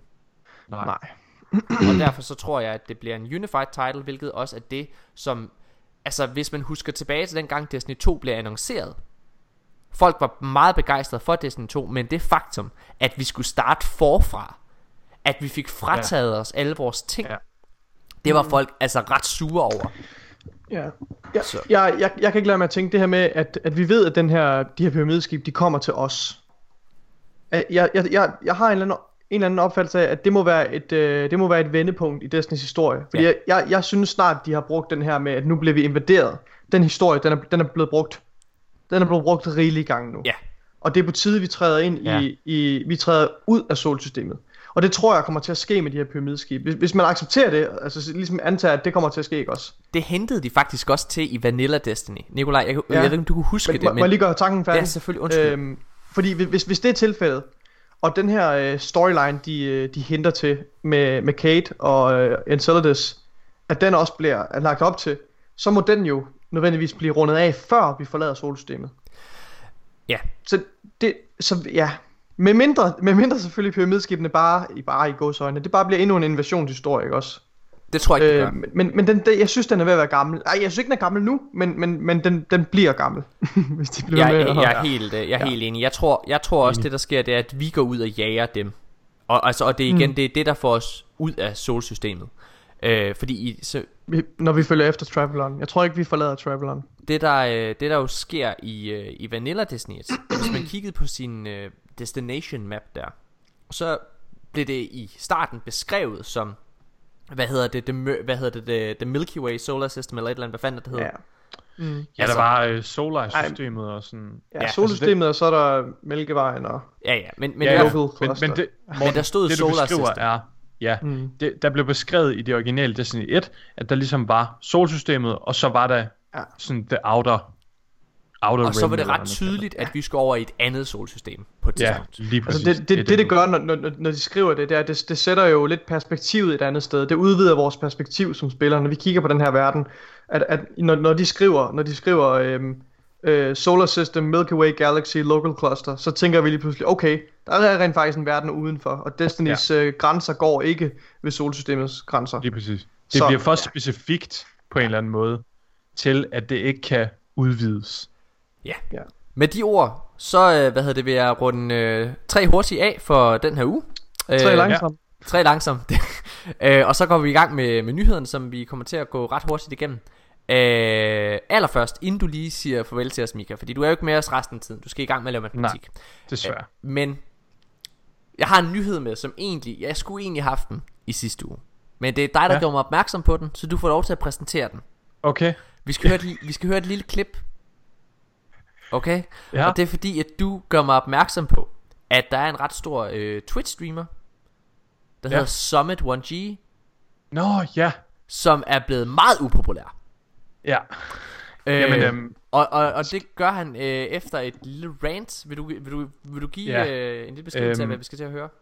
Ja, altså hvis man ikke kender Summit 1G, så er han en af de største Twitch-streamere, der er. Og øh, her på det seneste, siden Forsaken, så har han begyndt at spille Destiny rigtig meget, og øh, har faktisk trukket en del spillere ind i spillet også. Det der så sker, det er, at han sidder og øh, spiller PvP, og øh, så bliver han øh, dræbt af en, der bruger en shotgun, og øh, så begynder han simpelthen at gå på en meget uheldig rant. Ja. Og øh, den, den, den rant, den er meget svær at undskylde for. Altså, det er næsten lige så slemt som det Morten han gjorde i uh, vores Twitch stream. Det, det er værre. Det, det, er simpelthen, det er simpelthen pinligt. Altså, det er decideret pinligt. Ja. det er virkelig pinligt, det han gør. Det er det virkelig, og det er, det er faktisk ærgerligt. Skal vi lige høre det, og så må du lige runde den af, ind- og så holder vi en pause. Det gør vi lige her. players like that. Players like that can't aim to save their lives, but they can shotgun all fluff and day. And the community loves that skill ceiling. The grandma level skill ceiling that we got going on here. Your fucking community sucks cock. I hope your game dies. Good luck. Ja. Yeah. Mika. Ja.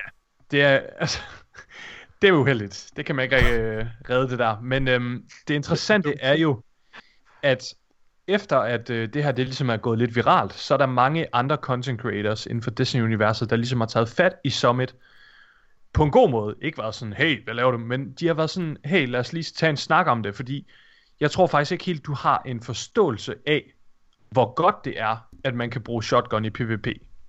Fordi det var jo det, der lidt skete med Destiny 2, og nu ja. ved jeg, altså Morten, jeg ved faktisk ikke med dit, for dit vedkommende, Nikolaj, men for dit vedkommende, Morten, så har du rigtig meget ændret holdning til våbensystemet. Du nyder det faktisk nu, Ja. af det, jeg hører på dig.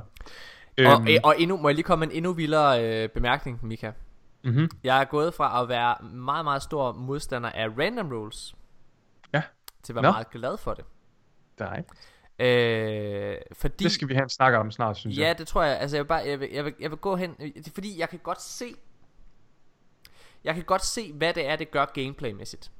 Ja. Jeg, jeg, jeg er stadigvæk fundament, altså, fundamentalt, så er jeg egentlig uenig i, at det eksisterer. Men jeg tager mig selv i hele tiden at gå ind og se, åh, oh, okay, det der er jo meget bedre end den, jeg havde før. Den går jeg lige ind og, bruger i stedet for, og den har jo de helt rigtige rolls. Ah, Ja, ja. den er jo vild nu. Den slags ting. Øh, og, og man opsøger flere ting på nettet for at se, hvad kan jeg bruge og alle mulige ting. Altså, det, det, det samler Ja, ja, ja. på en eller anden måde. Det er ret, det, det er godt. Ja. Det er faktisk, jeg vil lige komme til på det, det er faktisk sjovt, du siger det der med, sådan fundamentalt, så er du enig. Det er ligesom med exotic drops, malfeasance questen og så videre. Egentlig, så er jeg faktisk, så synes jeg faktisk, det er vildt nederen, at det er så random, når man får en exotic. Men det er bare sjovere gameplay. Det er det simpelthen, og det kan man modgamme til.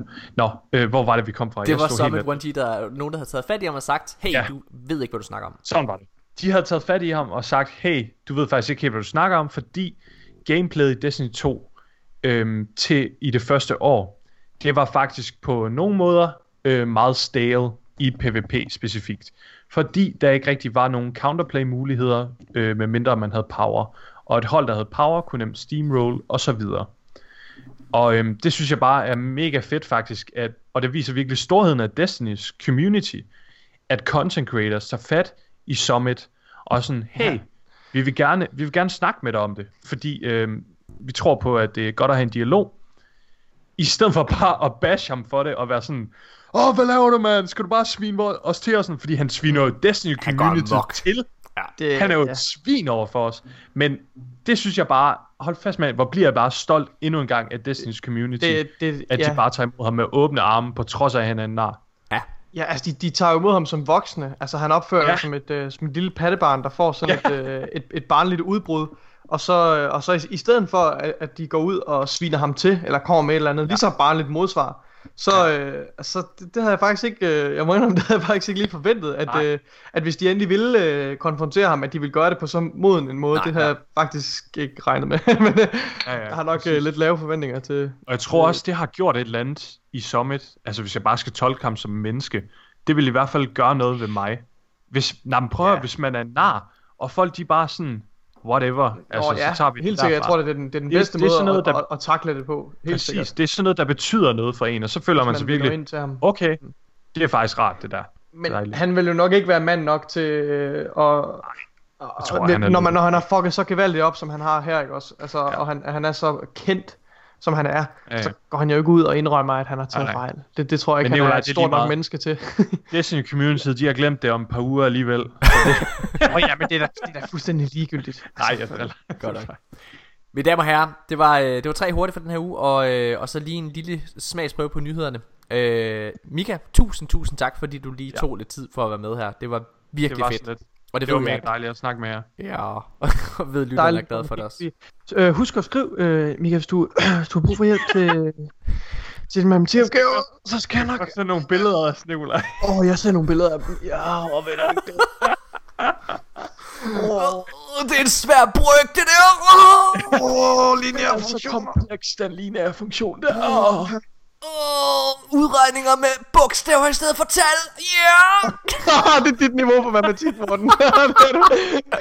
Udregning med bogstaver. du aner ikke. Ej, hvor er det godt. Jeg er dumpet matematik, det skal jeg være helt ærlig sige. Ja. Det kan jeg godt fornemme. Nå, okay. Hvad hedder det? Mine Det damer er, altså, jeg ved ikke. Det er kun i fucking børnehaven, man regner øh, med tal, Morten. Er det? Ja, ja, okay. Prøv at, jeg, jeg, jeg, jeg, øh, jeg har sluttet med et, øh, med et rigtig fint gennemsnit, men det var bestemt ikke på grund af, på grund af matematik. Morten, du kan snakke dig ud af den. Det er din Ja, fordel. det er min fordel. Nå, Kan du ikke til en skrifteksamen? nej, der, det, det, uff, ja. Hvad hedder det? Øh, Mika, det var godt, at Ja. du var med. Tusind, tusind Det var tak. så dejligt. Vi ses, kære venner. Vi ses. Hej hej. Hej.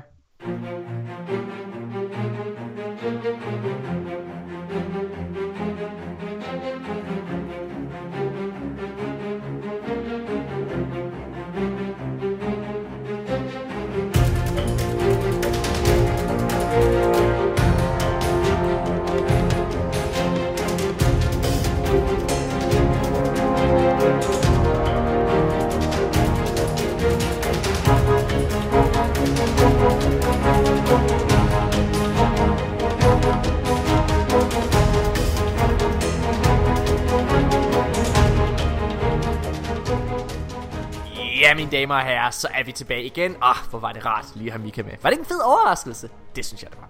Det var dejligt. Lad os øh, hoppe i gang med, øh, med nyhederne for den her uge, fordi øh, det er, øh, det er, det er virkelig, virkelig, nu bliver jeg hævet fuldstændig ud af den. Vi tager den lige forfra, fordi Michael... Hov, Hvad så?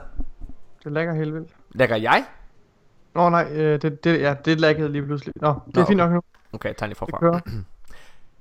Ja, mine damer og herrer, så er vi tilbage igen, og uh, det var en dejlig overraskelse, at Mika han lige var med. Var det ikke fedt? Det var det. Yes, yes, altså, ja, ja, det er godt. Alt er mega god stemning nu. Vi skal fortsætte med ugens nyheder, og øh, den første nyhed, vi skal snakke om, det er, øh, det er, det er Games Radar, der har lavet en, en lille beskrivelse af Forsakens bedste og værste exotic quests. Og de fremhæver to. Beskrivelsen af, hvad en rigtig, rigtig god exotic quest er, og beskrivelsen af, hvad en rigtig dårlig exotic quest er. Og jeg er mega uenig i det, de skal til at sige. Men de fremhæver, øh, hvad hedder det, Wish Ender questen, der kom i sidste uge, som man kun kan få hver tredje uge, øh, som en fantastisk quest. Og den er okay. virkelig også god. Du skal gå ind og gennemføre det her mini-raid, tre mand, to gange, og så skal du løse nogle puzzles undervejs, og så kan du få den. Den er, det er eminent, og det er et mega fedt våben. Og så fremhæver mm. de Malfeasance øh, questen som forfærdelig, fordi den er 100% øh, RNG. Altså, du går ind og spiller Gambit, og hvis du er rigtig heldig, så ja. kommer der en modstander til, altså når du er summoner de Primeval, så kommer der en modstander, som du kan, øh, ja, hvis du klarer ham, så får du så questen til Malfeasance. Mm. Det synes folk er lort. Ja, Jeg er uenig. Er du? Jeg, jamen jeg, altså prøv at, jeg kan godt forstå, jeg har ikke fået Malfeasant endnu. Jeg har klaret øh, Wish Ender, men jeg har ikke, jeg har ikke fået Malfeasant. Øh, jeg, jeg elsker det. Jeg elsker, Ja. at jeg, jeg er øh, opmuntret til at gå ind og spille Gambit. Øh, jeg har den der Galahorn følelse. Altså i Vanilla Destiny 1, noget af det vi elskede, det var den der chancen for, at Exotic det droppede. Og lige nu der synes jeg mm. faktisk, at i Forsaken er der en rigtig, rigtig god balance mellem de her quests. Fordi der er sådan noget som Ace of Spades, som er lige til at gå ind og klare. Alle kan gå ind og klare Ace of Spades, så kræver bare lidt tålmodighed, og så har du den. Så er der Mm. RNG fokuseret som, som, hvad hedder det, Maleficent, og så er der noget, der virkelig kræver skills, som er Wish Ender. Og der er bare sådan lidt for alle, og jeg forstår ikke, øh, ja, altså de er virkelig sure på, på Maleficent. Ja. Ja, det ved jeg ikke, det kan jeg faktisk godt følge. Jeg, jeg, jeg er ikke så meget inde i det. Altså, jeg, jeg, jeg har ikke tid til at bekymre mig om at, at, at grind. Nej. Hvad hedder det? Gambit for at prøve at få den her exotic uh, quest. Nej. Uh, det er ikke særlig højt på min prioritetsliste. Jeg, jeg, tager den lidt med, jeg tager den lidt med ro, og så tager jeg det, som det kommer. Og så forsøger jeg at, at logge ind øh, så ofte jeg kan, og så lige stige lidt i light level, så jeg måske på et tidspunkt inden for de næste par måneder kan være med til rated. Ja. Det vil være rigtig nice. Jeg glæder mig så meget til at lave det med dig. øh, det er helt vildt. Jeg Nå. glæder mig også rigtig meget til at prøve det. Lad os så ved- ned til, videre til næste historie, og det er uh, Kotaku, der har lavet en top 4, og, eller de ja. har lavet en beskrivelse af de fire must-have våben mm. i Forsaken. Ja. Og grunden til, at jeg har taget den her artikel med, det er fordi, jeg synes, den er lidt sjov. Fordi de her fire våben, jeg er helt enig i det, de Ja. siger. Jeg er helt Ja. ja. enig, men det er meget sjovt det her med, at øh, Det er ikke for forsaken nogen af det dem. er ikke for Forsaken nogen af dem. Og det er- Sleeper er selvfølgelig på listen. De fremhæver Midnight Coup, øh, Hand Cannon fra, hvad hedder det, Leviathan Rated. Øh, de fremhæver øh, Aikilas øh, Shotgun. Shot- ja. Og fra øh, Warmind, de fremhæver Sleeper Simulant, og så fremhæver de Whisper of the Worm. Alle sammen mm. våben fra Va- Vanilla D2. Og, øh, Ah, eller undskyld, ej. altså, ja, altså hva- hva- fra Destiny 2's første år, Og det er sorry. sådan to. Ja. Jeg er helt enig i det, og jeg elsker det her. Mm. Fordi, nu vil jeg komme med en lille, en lille hemmelighed, mine damer herrer. Jeg synes, at en af de største svagheder, der har været ved Destiny hidtil, det har været, altså, øh, det har været, at når der kommer et nyt spil, øh, så er alt det gamle gear og alle de gamle våben irrelevante. Ja. Øh, altså for eksempel, dengang Det det. Destiny, Destiny øh, 1 var der, øh, da House of Wolves og Dark Below kom, så alt det du havde optjent, det var ikke, det var ikke længere lige meget værd. Det var ikke super godt. Du, gik, du skulle bruge det nye. Det samme med Taken King, der var alt det andet, det var glemt, det var ikke bragt op til det nye light level. Øh, og det samme med Rise of Iron osv. Med Forsaken er alle våben hvis du, altså alle våben kan være dit våben, hvis du vil have det. For eksempel uh, Inoculous Address, også fra Leviathan Rated, er sindssygt. Origin Story er stadig god. Altså, jeg er, jeg er opmuntret til at prøve nye våben af, og det gør jeg i den grad. Men jeg er virkelig også bare glad for at kunne køre videre med nogle af dem, som jeg ved er en sikker vinder. Ja. Ja. Jeg må sige, jeg er også ret enig i, i den der liste. Øhm, Ja. Øh, jeg synes der også, der er nogle, øh, nogle ret fede våben, på, øhm, der kom med Forsaken, og Ja. andre våben, med, som kom med Destiny 1's første år, eller Destiny 2's første år, som de ikke har kommenteret på. Så øh, ja. Ja. Men ja. Lad os så videre til næste nyhed. Det her det er en sjov en. Nikolaj, ved du hvem Robert Kirkman er? Ah, det siger mig et eller andet. Robert Kirkman er øh, øh, ham, der har skabt The Walking Dead, blandt andet. Nå ja, det er rigtigt. Han er sådan en rimelig ung forfatter, ikke også? Han er, Han er sådan- forholdsvis ung. Han er, han er, Ja. altså, han er sådan start 30 og alle mulige ting. Ja, lige Øh, præcis. Han er, øh, øh, men det er jo ham, der har skabt The Walking Dead tegneserien. Han er inde over fire The Walking Dead og tv-serien og alle Ja. de ting. Han er, han er mega sej. Og han er en gamer. Og øh, han har kastet sin kærlighed over et nyt spil. Hvad er det for et spil, Morten? Det hedder Destiny. Hvad? Wow. Wow, ja, tænker, det skulle være med i, i, i nyhederne her også, i, i, i nogle Destiny-nyheder. Mm. Øh, nej, men han, han, han, øh, han bliver interviewet af en af mine yndlings øh, og det er Kevin Smith. Gud, det, er det den, den podcast, du øh, har ligget til? Det ser da fed ud. Ja, det er, den hedder Smodcast, som er øh, Kevin Smiths hovedpodcast. Han har mange. Han har både noget, der hedder Hollywood. What? Han har noget, der hedder Hollywood Babylon, som jeg i den grad vil Ja, anbefale. den har vi været rigtig glade for. Jeg lytter ikke, til- desværre ikke til den mere, men, men Nej, det gjorde jeg rigtig meget engang. Men, Jeg øh, øh, lytter meget, jeg lytter til den hver, hver gang den kommer. Jeg synes det er virkelig sjovt. Mm. Øh, kan, Ja. Men øh, Hollywood Babylon og øh, Fat Man Beyond er øh, helt er ved to af mine yndlingspodcast. Øh, Ja. Han er jo Kevin Smith, han er øh, han er filminstruktør Smartcast. og hoved øh, og manuskriptforfatter, øh, og han er i gang med et hemmeligt Disney-projekt lige nu, kan jeg hilse sige, som man ingen ved hvad er. En tv-serie, Uh. en stor tv-serie, han skal lave. Han er jo, øh, altså, Kevin Smith? Ja. What? han skal instruere og skrive, øh, hvad hedder det, øh, altså skrive en ny, et ny tv-serie, som er en ret stor franchise. Han har sagt, han må ikke sige noget med det her, det er den dyreste produktion, han nogensinde har lavet i hele hans håbe, han lægger smøgerne fra sig. Altså, ja, altså, han er jo, han er altså, altså, ja, men prøv at, altså Kevin Smith, han, han ryger virkelig meget tjal. Altså, han ryger så meget weed.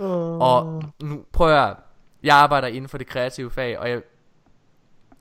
Prøv at, ja. Kevin Smith er et glimrende eksempel på det, mine damer og herrer. Folk tror, der er en generel misforståelse af, at hvis du, du tager stoffer, eller hvis du øh, ry, ryger has, så, så bliver du kreativ, og så får du mega gode idéer. Det gør du ikke. Jeg har aldrig nogensinde hørt nogen, der har fået en mega god idé, eller skrevet en fantastisk scene, eller noget som helst, mens de har været påvirket.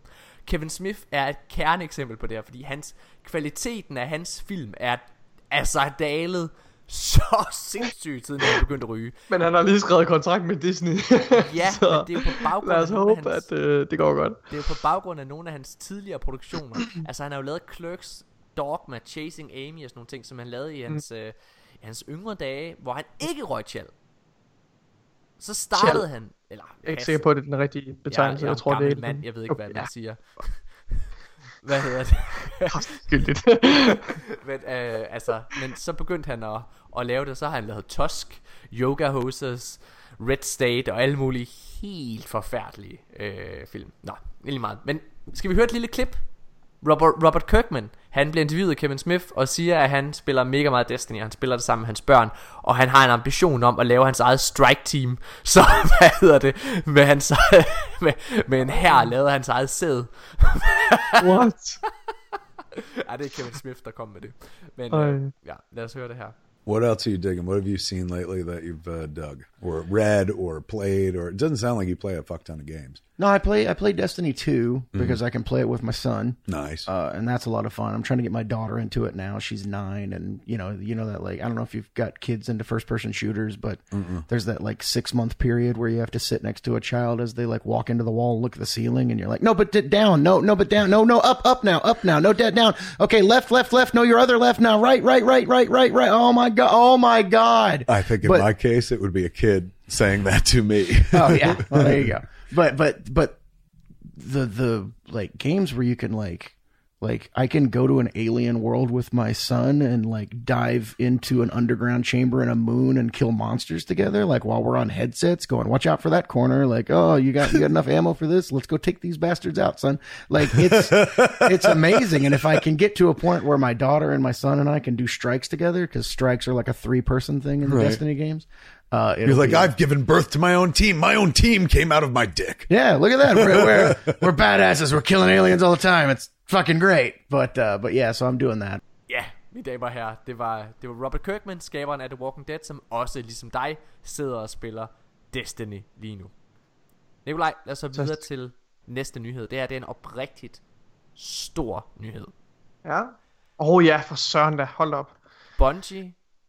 Øh, hvi- hvis man lytter til vores podcast og øh, har en god hukommelse, så ved man, at vi tilbage i øh, juni måned rapporteret om, at øh, de havde indgået, at Bungie havde indgået et samarbejde med et øh, kinesisk firma, der mm. hedder NetEase eller sådan noget. Øh, nu bliver jeg faktisk sådan, øh, ja, flanker lidt på, på, på navnet. Men de lavede et samarbejde med, øh, med et kinesisk selskab om at lave en ny franchise. Mm. Og den her franchise, den har nu fået et navn. Det er spændende. Nikolaj, vil du afsløre, hvad navnet er? Navnet, det er Matter, som i masse stof. Ja. Ja.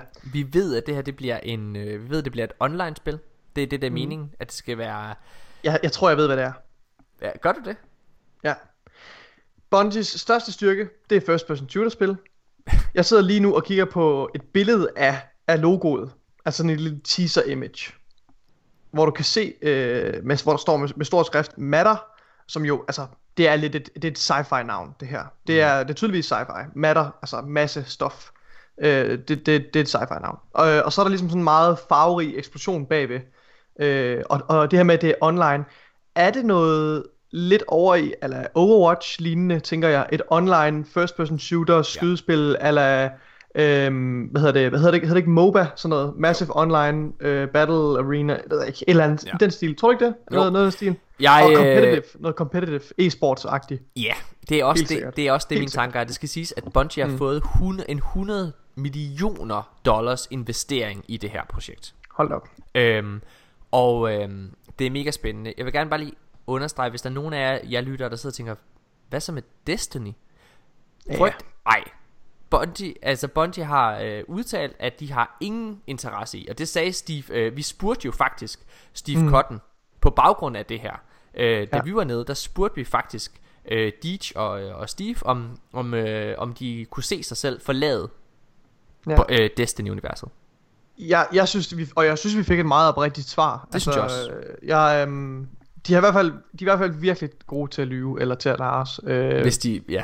Hvis, hvis, ja, men det, jeg, jeg, jeg, jeg synes, at vi fik et rigtig oprigtigt svar, og det var, at, at de ikke havde nogen planer overhovedet om at, øh, at forlade Destiny-franchisen, eller at give den videre, øh, men at det selvfølgelig ikke kunne udelukkes Nej. på sigt. På, I princippet på, kan altså det jo aldrig om mange år, præcis. Om mange år. men de men, men de har ikke jo- nogen planer om det nu, øh, og de ejer IP'en, og de bestemmer helt selv, hvad de vil gøre med Destiny-IP'en. øh, Det synes jeg, det, det tror jeg virkelig er, er sandt. Og det, det tror jeg nemlig også på. Og det I skal, det, I skal, det I skal kigge på, det er jo, at Bungie skæver helt vildt meget til Blizzard. Blizzard ejer også, ligesom Bungie, selv deres IP'er, men har en aftale med Activision. Altså, de, de har et samarbejde der. Øhm, så... Men Blizzard har jo mange spil. De laver ikke kun World of Warcraft. De laver ikke kun Overwatch. De laver ikke kun Hearthstone. De laver mange forskellige spil.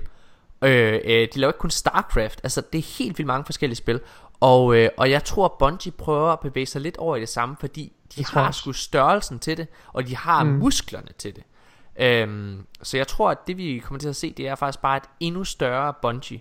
Øh, et endnu større firma, som... Øh, og, Men- og, og forhåbentlig kommer det her også Måske til med flere afdelinger øh, spredt rundt omkring, kan Præcis. man forestille sig i, i, øh, i Amerika, og måske endda i andre lande. Altså Ja. lidt, lidt ala BioWare.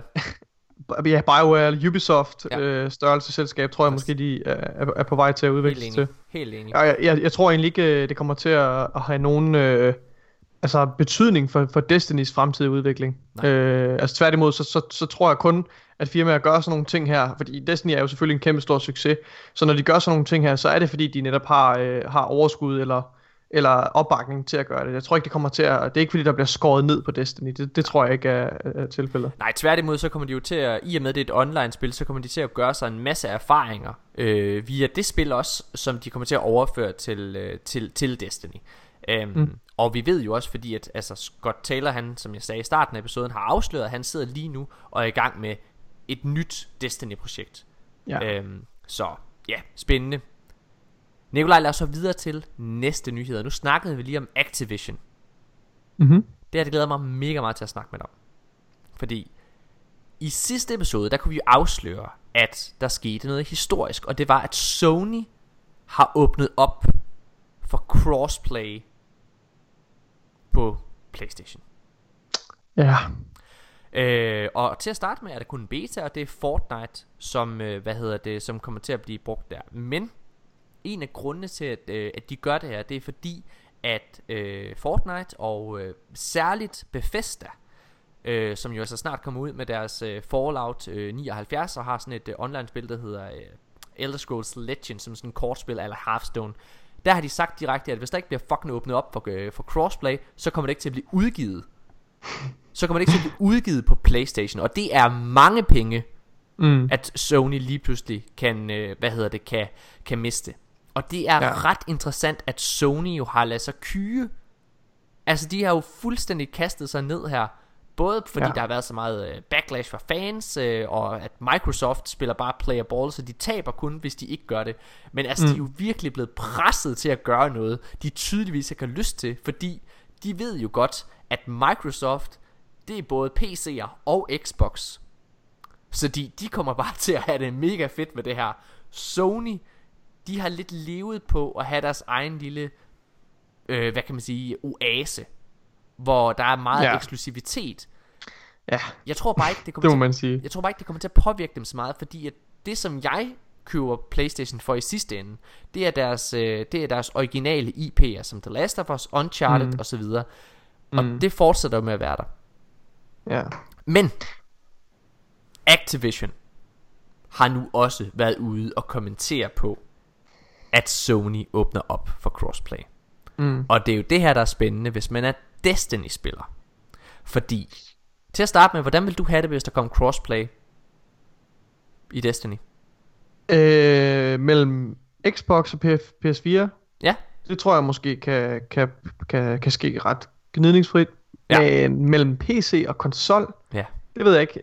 Det, det tror jeg det tror jeg er ret vanskeligt at balancere, er det ikke det? Altså, Jo. jeg, jeg er åben over for det, hvis, hvis, hvis der findes en, en virkelig en god metode. Øh, jeg har ikke så meget forstand på det, men umiddelbart virker det som om, at det er ret svært. Ja. Vanskeligt at, at balancere det, i og med, at der er så stor forskel mellem de to øh, platforme. Helt enig. Det er, øhm, men Activision har, øh, har snakket med, øh, de har, øh, de har taget fat i IGN, og øh, snakket lidt omkring det her øh, med crossplay på Destiny 2 og Overwatch og Call of Duty. Altså mm. mellem andre platforme, ikke? Øh, hvordan de vil have det med det, om, om det er noget, der kan lade sig gøre. Og Activision siger, We've, uh, we've had a great experience with crossplay for Hearthstone on other platforms, and have witnessed how compelling it can be for our community. Og så tilføjer de her.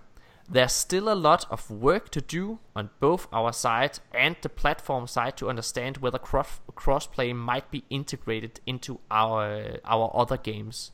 So we'll be watching the upcoming test, og det er beta-testen for Fortnite, mm. and will um, assess with uh, the potential impact of this feature um, would be for our players and uh, our games. Og, og, og det, er jo, det, er jo, det synes jeg lyder rigtig positivt. Jeg synes, øh, det, det, det virker som det rigtige, øh, altså det rigtige tiltag, fordi du kan jo ikke konkludere på baggrund af et spil Nej. som som øh, som hvad hedder det, hvad, hvad hedder det, øh, øh, Hearthstone, fordi det er så altså du, altså hele hele hele øh, det der udgør forskellen mellem øh, øh, PC og og, og konsol, det er jo det her med, altså, hvor, hvor let du har ved ligesom at, Ja. og, øhm, og, og flytte din cursor på skærmen, hvad man skal sige. Øhm, og, og det kan man sige, det er ikke super relevant, øh, når du spiller Hearthstone. Nej. Det er til gengæld rigtig relevant i et first person shooter spil, øh, eller third person shooter spil, som, øh, som Fortnite. Så det synes jeg er rigtig, rigtig godt. Øh, det virker som et nat- naturligt spring, øh, og ligesom teste det der først, inden man tager det videre. Men det er mega spændende Og prøv at altså en tredjeparts udgiver som, øh, som, som Activision Altså de står kun til at vinde på det her Så jeg garanterer mm. jer At øh, altså for det første Det at Activision selv har taget fat I IGN Altså eller mm. i hvert fald er villige til at snakke om det Om ikke andet ikke? Ja. Det, øh, det vidner øh, Det tegner rigtig rigtig positivt Og jeg vil elske at spille øh, I hvert fald på med Xbox spillere Jeg er også øh, Helt sikkert. Altså, man, man skal jo ikke være, man skal jo ikke være negativ før man har, man har prøvet det, men øh, fordi Bungie kan jo også komme ud med et eller andet trick, hvor det er at øh, det bare fungerer pisse godt med PC også. så længe Au. de ikke spiller Hunter, så er jeg ligeglad. godt. Øh, lad os øh, lige holde en mega kort pause, øh, Nikolaj, så kommer vi tilbage med de aller sidste nyheder, og så gør vi det færdigt.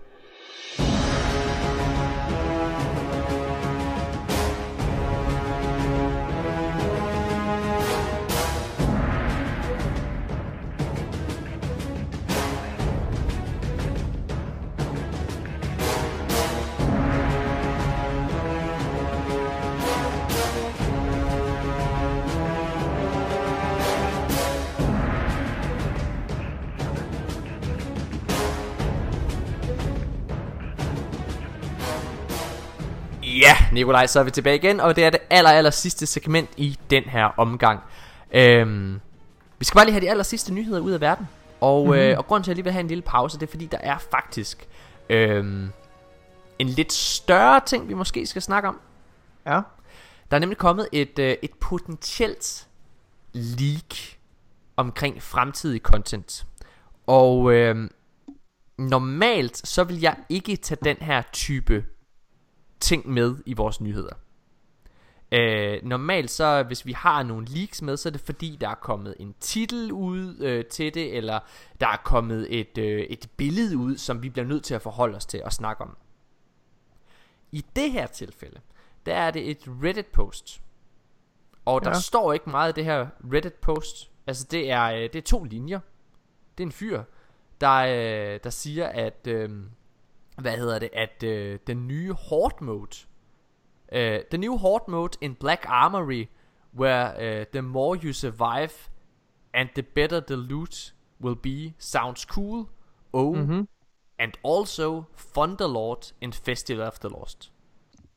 Ja. Det er en meget, meget kort besked. Ikke super velskrevet eller noget som helst. Mm. Øhm, men den her nyhed er der vildt mange content creators, der er øh, løbet med. Ja. Og derfor tager vi den med. Fordi at øh, fordi øh, Houndish og un, øh, Unknown Player og hvad hedder han, øh, More Console snakker om det her. Ja.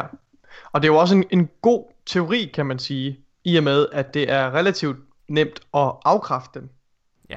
Nu får vi lige lidt, øh, lidt videnskabsteori for begyndere her. Men hvis nu jeg formulerer en eller anden teori, der ikke laver nogen specifikke forudsigelser, så kan man ikke afkræfte dem. Og det er jo faktisk det, de her dårlige leaks, som vi har fået igennem tiderne, de jo gør. De sætter, laver en masse vage, tegner en masse brede øh, hvad hedder det, linjer og siger, at det er sådan her, det kommer til at ske. Men de laver ikke nogen konkrete øh, forudsigelser. Den her teori derimod laver en meget konkret øh, forudsigelser. Det er, at Thunderlord kommer ind i Festival of the Lost. Ja.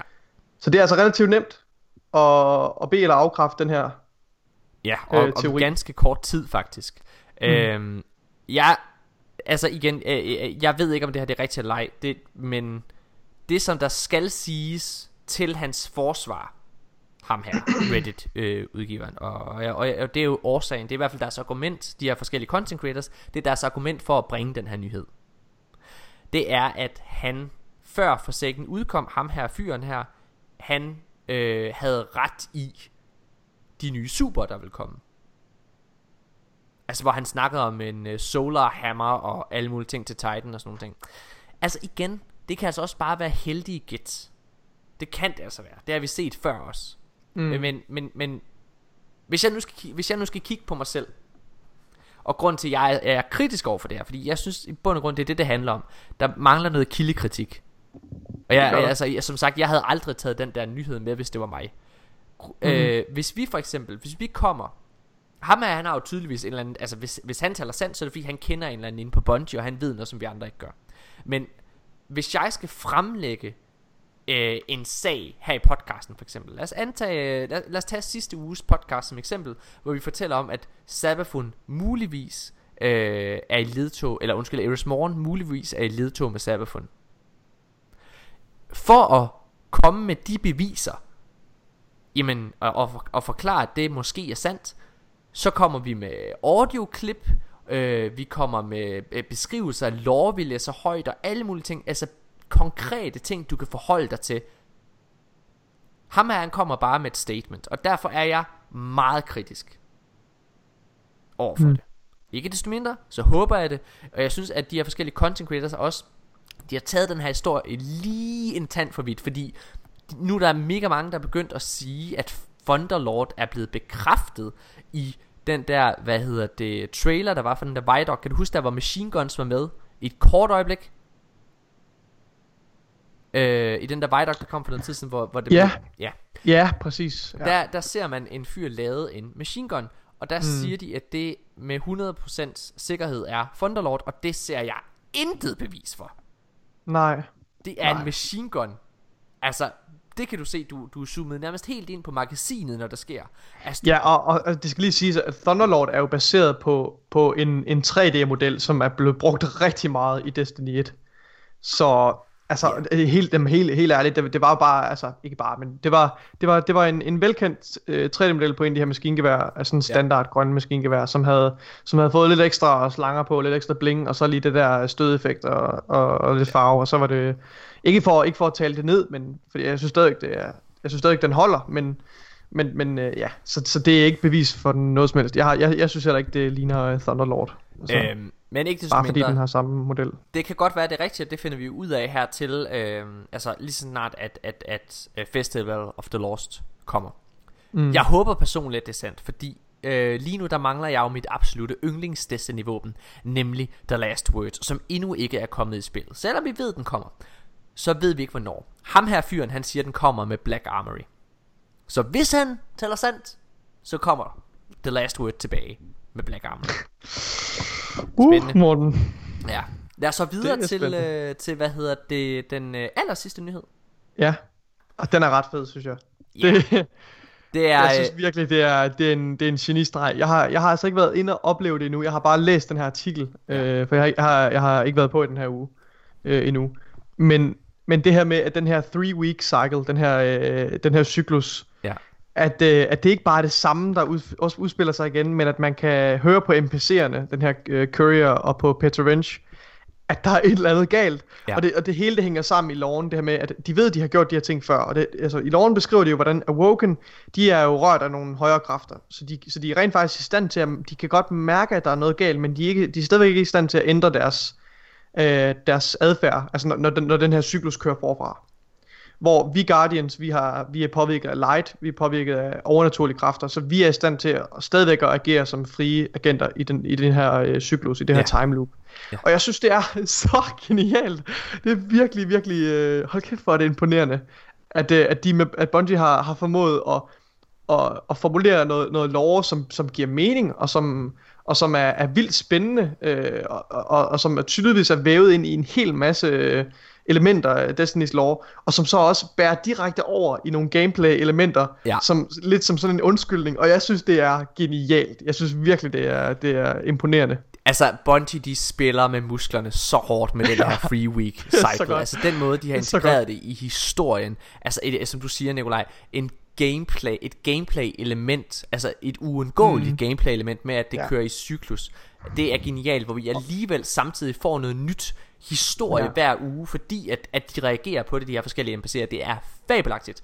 Og Øhm, Noget jeg gerne vil tilføje til det også, det er, det er jo faktisk noget Bungie generelt er ret gode til, som vi ikke øh, særlig ofte giver dem credit for. Hvis du tænker over det, så er Crucible jo også det samme øh, element. Fordi hvorfor, hvorfor, hvorfor dræber vi Guardians hinanden i, i arenaer? Nå ja, jamen, det gør vi for at, at blive bedre Guardians, ikke også? Det gør vi for at træne, så det, det er det her, der hedder Crucible. Det er undskyldning for, at der er en PvP-del øh, i Destiny. Øh, også det her med, at, at, at spillernes handlinger i spillet også bliver omsat til loven.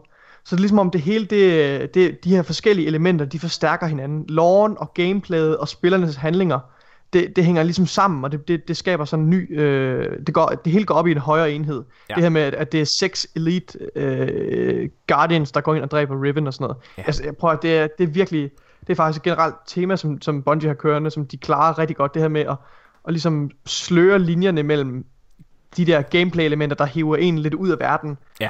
Det kommer de udenom ved at, at integrere det som en del af, af loven og universet. Det synes jeg, altså, det er virkelig imponerende. Når man Det er, øh, det er virkelig, virkelig, virkelig spændende.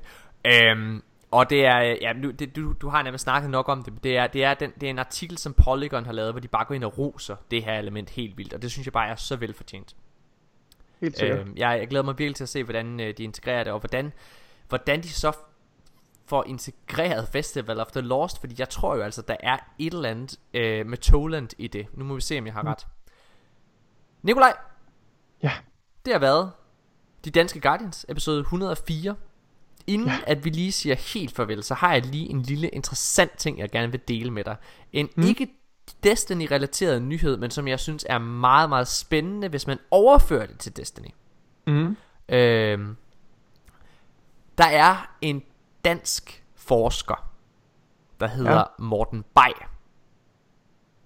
Okay. som har øh, lavet en, øh, altså forsket på The Last Jedi, og den modtagelse, den film fik, fordi øh, hvis man bare ved lidt om The Last Jedi, så ved man, det er i den grad en film, der delte vandene. Der er mega mange fans, der har ved at sige, at det er noget af det værste magtværk og alle mulige ting, og den røvrender alle Star Wars fans og alt muligt pjat. Altså virkelig mm. svinet den film til. Personligt, så er jeg, og jeg tror også dig, Nikolaj, jeg er personligt af den opfattelse, at jeg synes, The Last Jedi er et mesterværk. Et, mm. øh, og jeg forstår øh, slet ikke den tilgang, øh, som, som, som, som mange fans har haft omkring den film. Men det er lige meget. Mm.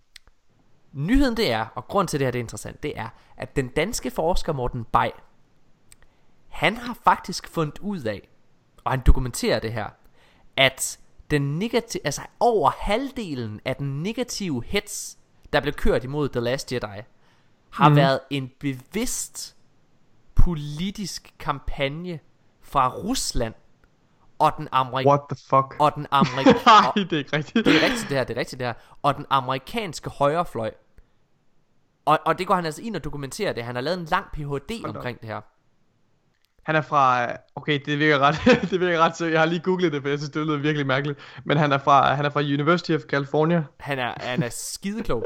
og, og, og altså, det, er, hvad det, er super vel, det er super veldokumenteret. Og det er simpelthen, mm. det, det, det de simpelthen gør, det er fordi, at der, altså, øh, Star Wars er lige nu ejet af Disney, og Star Wars er indbegrebet af amerikansk kultur, og det var det samme russerne gjorde under, det ved vi jo godt nu, de var inde og blande sig i den amerikanske valgkamp med Hillary og, øh, hvad hedder det, og, og Trump i sin tid. Og det de gør, det er, at de går ind og laver altså bots, der bare sidder og sviner det her til, og han går ind og, altså ham her fyren, han går ind og, og finder de her, der har skrevet de her tweets, og lægger mærke til, at de har lavet et tweet, delt det her ja. Med en masse andre, og så Oh, forsvinder må, må, de igen. jeg, må jeg læse noget højt? Et ja. uh, quote, som forklarer det her. Forskningen viser, at russiske trolls har en række fællestræk. De påstår at stamme fra USA, England eller Tyskland. De tweeter om natten amerikansk tid. De bruger korte sætninger, retweeter meget, særligt hinanden, og så forsvinder de pludselig igen. Ja. Øh, det var det samme mønster, jeg fandt i øh, undersøgelsens data, siger Morten Bay til det, Films. det er forskeren, der siger det. Okay, ja. Øh, det er mega, mega, mega spændende. Øh, Wow. Ryan Johnson, har, altså instruktøren, har faktisk også været inde og kommentere på det her. Det er, det er ret spændende, og han siger, det er også, altså prøv at, øh, dig, Morten Bay øh, og øh, Ryan Johnson og alle de andre, der har kommenteret på det her, alle siger, selvfølgelig er der folk her, der ikke kan lide den her film. Det ville være mærkeligt, hvis der ikke var nogen, hvis der var nogen, der ikke synes, det var en dårlig film. Det er ikke det, der er pointen. Pointen er, at den generelle hets, der blev kørt mod det, er fucking, altså den er skabt, og jeg tror altså også, at det, og det, nu tager vi den tilbage til Destinyland. Fordi vi har jo også snakket om, at sidste år, da Destiny 2 møder meget, meget, meget kritisk modstand fra fans, det er baseret på, at folk de bare tager meninger, de læser Mm. på Twitter, på Facebook, eller øh, hører fra en YouTuber, ikke også? Folk de tager bare en mening, og så kører de videre på den. Og, øh, ja. Og det er lidt det samme, som, som man jo lidt oplever. Altså prøv at, hvis, hvis, du, vi sidder, hvis vi sidder og spiser ved et øh, middagsbord, øh, Nikolaj, og, øh, og hvad hedder det, og du skal til at tage en lever på steg, og jeg siger, ej, den skal du ikke spise, den er så mukken, den der. Mm. Så spiser du ikke den lever på steg. Fordi du har hørt, den er dårlig, ikke? Det er lidt det samme.